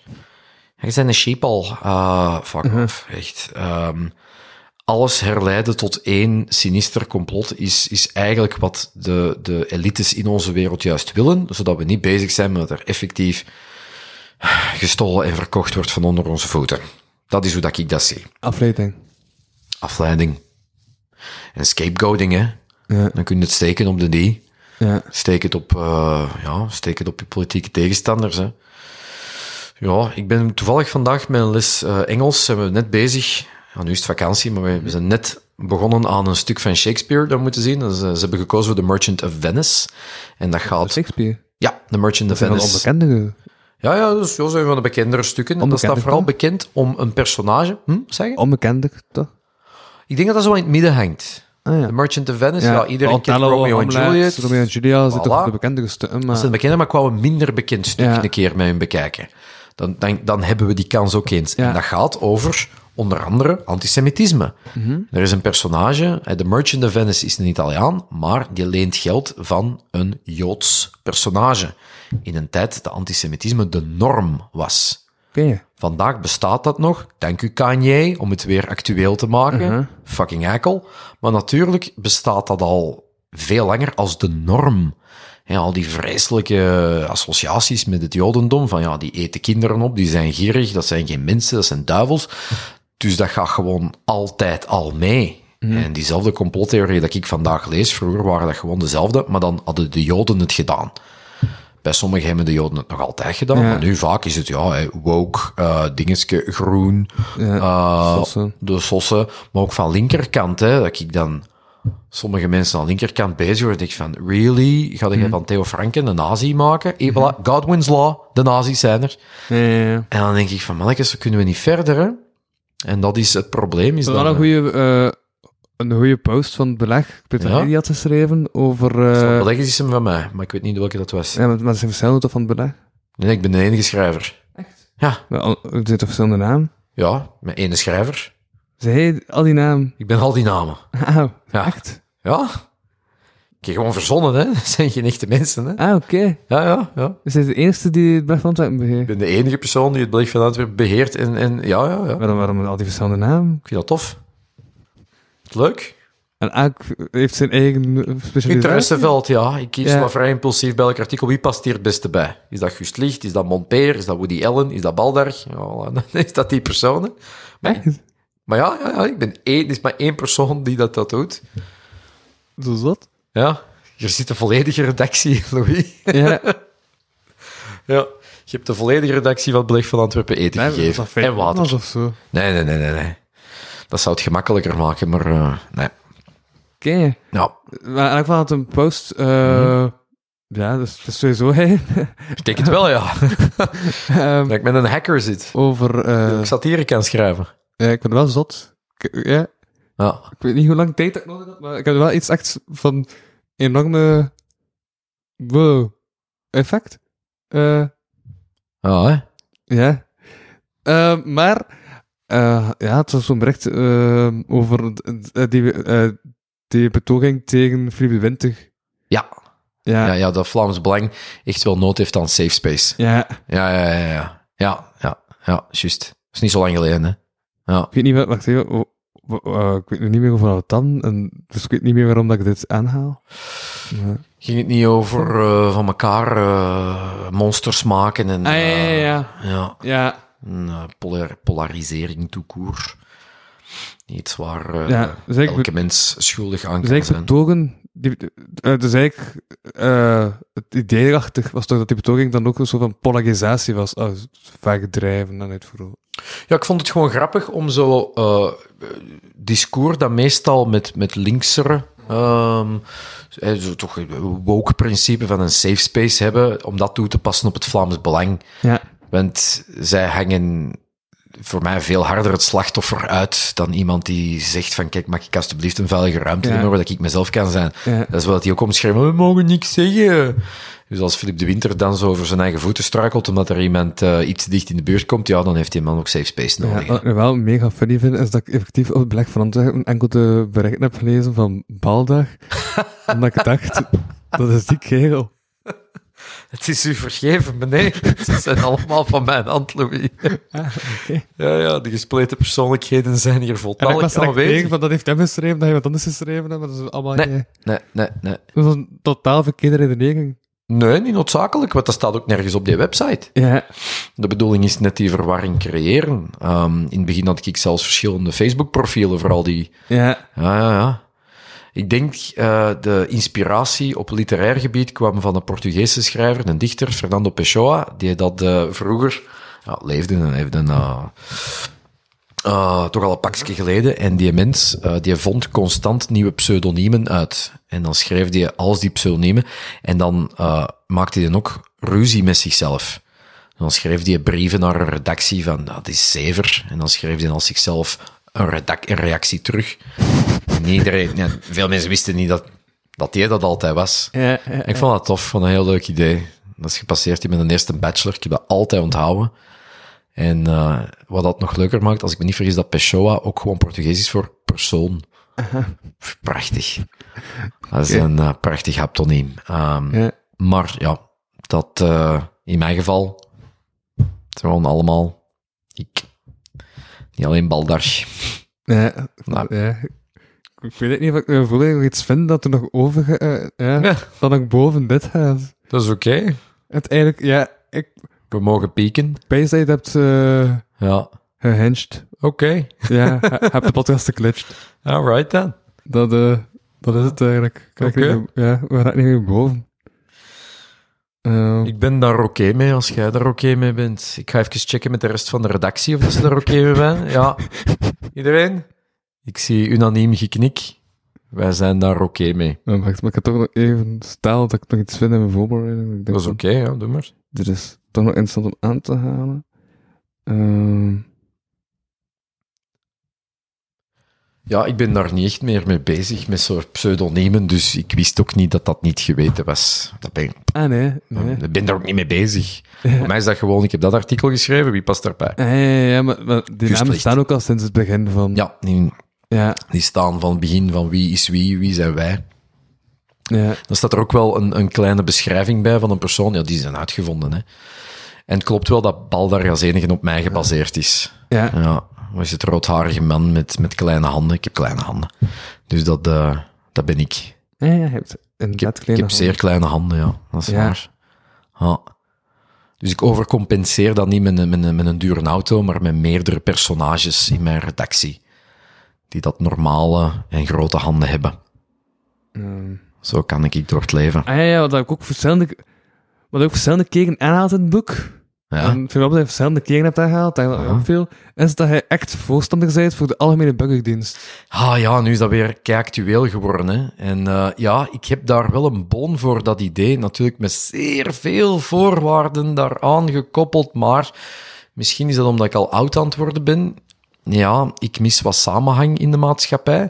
En ik denk dat het ook zo gemakkelijk is om te gaan lopen voor elkaar. Nu, je had het voorbeeld van uw kameraad die zei van, ja, bestaat discriminatie nog? Nu, als wij in onze zeepbelletjes blijven, dan moeten wij dan ook niet zien. Arm en arm, rijk en rijk, maar ook gewoon etniciteiten onder elkaar. Maar ook gewoon, wij zoeken mensen op die compatibel zijn met ons. En dat is keihard oké, het leven wordt gemakkelijker. Maar af en toe vind ik het gezond om geconfronteerd te worden met de ander. De enige reden, denk ik, waarom dat steden vaak progressiever stemmen, is omdat wij constant moeten overeenkomen met elkaar. Wij, wij, wij, ai, je ziet ook constant de menselijkheid in elkaar. Irriteert ook vaak, want ja, iedereen maakt lawaai. De stad is er altijd iets aan de hand. Je hebt altijd problemen met iemand. Maar je wordt ook geconfronteerd met de ander. Ik heb vier jaar in de Joodse wijk gewoond. In het begin waren dat wandelende karikaturen voor mij, hè, die Hasidim. Uh, nu weet ik ook, er zit een gigantische diversiteit in die eh, gemeenschap. Uh, mijn bovenburen waren, zijn nog steeds een orthodox Joods gezien. We zijn goede vrienden geworden tijdens de coronacrisis. Dat heeft dat heel zichtbaar, menselijk gemaakt voor mij. Ik vind dat keigoed. Ja. Ik ben het nog altijd oneens met alles wat die mensen geloven qua religie Is dat en wel veel. hetzelfde... Nee toch, dat zijn toch niet dezelfde mensen als het verhuist? Ja, nu niet meer, hè. Ah ja, Dat waren toen lang mijn ah, ja, pand waar dat jij mij bezocht. maar, om, daar waren de bovenburen. maar omdat zij, zij nog steeds... En ik zei, dat waren Joodse mensen. Dat zijn nog steeds Joodse mensen. Ah ja. Maar het zijn niet meer mijn buren. Ik corrigeerde mezelf in die zin. Ehm, ah, ik check niet dagelijks of ze nog Joods zijn, maar ik ga er vanuit van wel. En nu kan ik het niet vragen, want de Shabbat is begonnen. Dus dat is, de Shabbat, dat is de verplichte rustdag. Ah ja. En die begint vrijdag als de zon ondergaat. Dus nu is voor eh, gelovige Joodse mensen de Shabbat bezig. Dus dat is dan zaterdag.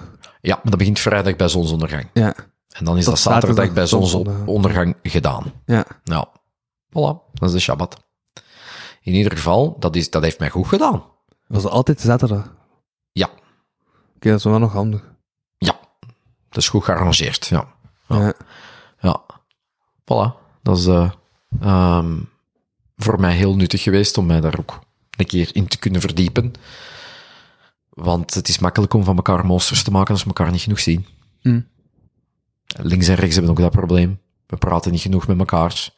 We zitten ook minder op café dan vroeger. Hè. Misschien zitten we veel te veel online en dat scherm. Mhm. Het is veel moeilijker om op iemand te roepen is, in Dat is echt. een ding. Het is veel moeilijker om echt kwaad te worden op elkaar Ja. in het echt. Ja. Natuurlijk, mijn scherm kun je niet op elkaar smoel Ja. slaan, dat is dan weer veiliger. Maar het is zoveel gemakkelijker om te zeggen, ah, fuck, eh, fuck de chef, eh, Anita, eh, Dingeske, Ingrid, allemaal dikke zever. En wat denkt jij allemaal? En de SWAT denkt dat, en Jeroen denkt dat. Maar het ding is natuurlijk, als we elkaar zien, dan willen wij meestal overeenkomen. Mhm. We zijn zo geprogrammeerd als zoogdier. Samenwerken helpt ons vooruit. Maar als daar gewoon een naam en een foto staat, ja, fuck die, fuck die Gilbert dan, hè. Dan is dat een dikke fascio, hè. Dan ben ik een linky winky, hè. Dus dan, dan, dan vergeten wij dat dat een mens is. Dat die ook gewoon hè, van kinderen hebben en een job en ouders en wat nog allemaal. En, en angsten en, en dingen waar dat ze blij van worden. En trauma's. En dan roepen we al eens een keer van... hey, fuck you en heel de zever. Maar ja, daarom, de regel is, ga genoeg op café. Ja. Kom elkaar tegen. Uh-huh. Kom elkaar tegen. Dus ja, Hm. maar op café gaan is... Is goed voor de samenleving. Ja. Maar vroeger zaten journalisten altijd op café. Ja, maar daar krijg je de beste verhalen ook. Ja. William Shakespeare zat gewoon constant op café en hoorde de juiste conversaties. Ja, ook daar zijn complottheorieën over dat dat waarschijnlijk een edelman was. Nee, dat was... Die zat op een perfecte plaats in de samenleving, ergens in de middenklasse, waar dat hij met iedereen contact kon hebben en je zat geweldig graag op café. ja. En daar had je, kwam je iedereen tegen. Dat is like dat Hugo Claus ook altijd in de zijn gaan zitten. Je ziet alles, je hoort Ja. alles. En dan kun je je verhalen daarmee eh, maken. Ja, natuurlijk. Ja.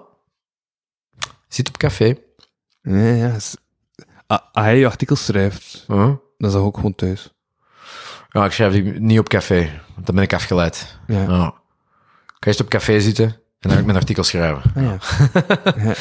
Nee, nee, ik schrijf, ik schrijf die toch gewoon meestal. eh, het is moeilijk om dat op een telefoon te schrijven, dus gewoon mijn laptop. Of als ik eh, mijn laatste les heb gegeven, zit ik nog even op school. Soms schrijf ik daar ook. Dat gaat eigenlijk ook heel comfortabel. ja. Dus de meeste artikels van het beleg worden ergens in de namiddag geschreven om die reden. Nou, s ochtends gaat dat niet. Mm, omdat dat les moet geven. Ja. En het weekend? Oh, in het weekend gaat dat ook. Ik heb Ja. geen vaste dagen. Ja. Nee. Wat voor dat is, ik ben met zo'n grote redactie als ene persoon, dat ik altijd wel op een moment kan. Het is altijd wel één facet van mijn gespleten persoonlijkheid die dat vrij Dat is. is daarom. voilà. Dat is zo Ja. praktisch. Kan ik als mijn eigen multitasken. Oké. Ja, Ja. ja, ja. Eh, ehm, ik krijg gewoon die steltes. Maar eigenlijk zijn er geen steltes van spreken. Dus er zijn geen wa- Wat is de stilte uiteindelijk? Wat is wat? Wat is stilte? Wat is stilte? Stilte heeft meerdere betekenissen. Stilte Mhm. heeft een letterlijke betekenis, is het gebrek aan geluid. Maar stilte natuurlijk kan ook ervaren worden. En dan is stilte ehm, voor mij een manifestatie van vrede, van sereniteit, van respect, van ongemakkelijkheid ook wel. Of van juist groot comfort, contentement, rust. Nou, zoals wat ik nu hoor, hè, met de oortjes die je mij gegeven hebt. Ja. Hoor je hoor ruis? een ruis. Ja. Natuurlijk, dat is niet stilte. Maar Voor mij, het feit dat ik dat hoor, benadrukt de rest van de stilte in de ruimte. ja. Die ruis gaat wel weg en af to post. Ja. Dus dit wordt... Dit wordt raar. Want Ah. mensen horen de ruis niet. Ja, de luisteraar hoort de ruis niet, natuurlijk, maar Nee. they're missing out. Goeie ruis. Maar aan de zee denken. Ik kom zelden zo dicht in de buurt van de zee. Dus, uh, ah. Ja, stilte. heb je in Antwerpen? Wat hè? Heb je geen strand in Antwerpen? Ja, er is een strand op Linkeroever, maar dat is aan de Schelde. Dat is geen, dat is geen zee, hè. dat is een rivier, dus we hebben geen zee. Is dat zand? Wacht nog 40 jaar, klimaatverandering krijgen wij wel zee. Ja, Ja, oké. ja. ten koste van Kortrijk onder andere, sorry Louis. Ja. En ja, Kunnen bij ons aan de zee gaan zitten is liggen. dat niet al vol boot? Hm? Is dat niet al vol boot? Absoluut. Ja, absoluut. Dramatisch volgebouwd. Ja. Niet veel leegstand in Antwerpen? Leegstand, dat weet ik niet, maar het is wel eh propvol gebouwd met allemaal onbetaalbare panden en eh, ja, wat nog allemaal, ja. Ja, ja, ja. Ja, ik ben geen fan. Maar Mm.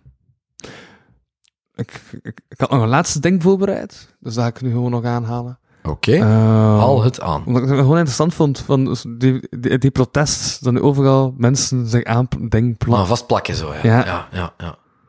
Dat is toch, ja... eh, Denk dat er iets uithaalt als je aan iets vastplakt? Oh, eh, je kunt dat op micro- en op macroniveau bekijken. Op microniveau weinig. Hè, dat, dat wordt mee gelachen. Dat, ja, dat is ook maar een, ehm, een visuele performance natuurlijk. Ja. Maar op macroniveau, alle beetjes helpen niet alleen, maar ik denk ook, als je bepaalde dingen genoeg doet en genoeg zegt, dan raken die wel in de, eh, de, de, de collectieve conversatie. ja. En op velcro-niveau? Op velcro-niveau, dat is een hele goeie. Ja, I see what you did there. Ehm, ja, maar ja, niet alles blijft plakken natuurlijk. Hè. Dus ook deze protesten kunnen al eens een keer gelijk een versleten velcro uiteenvallen en loskomen Ja. en dan vergeten worden. Eh, en ik wil dat trouwens nog even terugkoppelen aan de titel van mijn boek. Want eh gluten, ik weet niet of je dat weet waar dat woord vandaan komt, is een bindmiddel. Heb dat, dat stond, in- dat stond, in, Kijk dat stond in mijn introtekst die je hebt onderbroken. De cirkel is je Ik niet weet het, ik ben erop getriggerd. Ja, Ja. Sorry, dat is mijn, is mijn ADD. Het spijt Ja. mij. We gaan niet allemaal opnieuw moeten opnemen, want ik heb eh Louise een intro verkloot. maar inderdaad, het bindmiddel. Mhm. Dus de cirkel is rond, hè. we binden ons aan elkaar. Voilà. En eh Dankzij met Gluten. Dankzij Bart Gluten. Dank u wel. Ja. Ja, ook wel gekend als Baldag en Hust Licht en eh, nog een hoop andere. Eh, op andere mensen die dat niet bestaan. maar wel graag satire schrijven. Ja. Alright. Nee, bedankt. Ja, ze bedankt. Ze zelf bedankt. Merci. Hm. Dat is graag gedaan. Ehm ja, heb de, ja, heb, heb, heb de aflevering zelf afgerond, dus dan ga ik mee in de afronding. Dan gaan we samen de, de, de afronding tegemoet. En eh voilà, dit was de, de podcast voor deze week. Ik was Louis van Glutenhuizen en ik sprak dus met niemand minder dan Bart Vergluten. Maxi. Ja, oké. Voilà, nog steeds ja, de meest beangstigende Bart Verhoeven van alle Bart Verhoeven. Zeer intimiderend, maar dat ben ik niet. Alright. Voor het luisteren. Maxi, om hier ja, helemaal vanuit Antwerpen naar hier te komen. Kwam vanuit En, context eh, zelfs. Nog verder. Voilà, tot Mm. volgende week. Doei. Dat was tegen de luisteraar, niet tegen jou. Jij mag gerust thuis blijven volgende week. Dank u. Voilà. Salut, de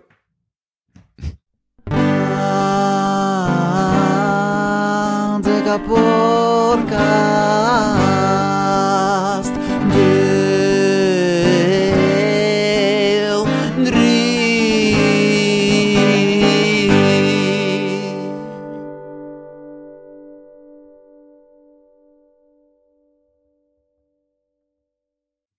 Dit is deel 3 aan Speelnacht Sponsoring. Nog moet zeggen, eh, bedankt aan eh Eerste Hulp voor algemene voorwaarden om dit te financieren.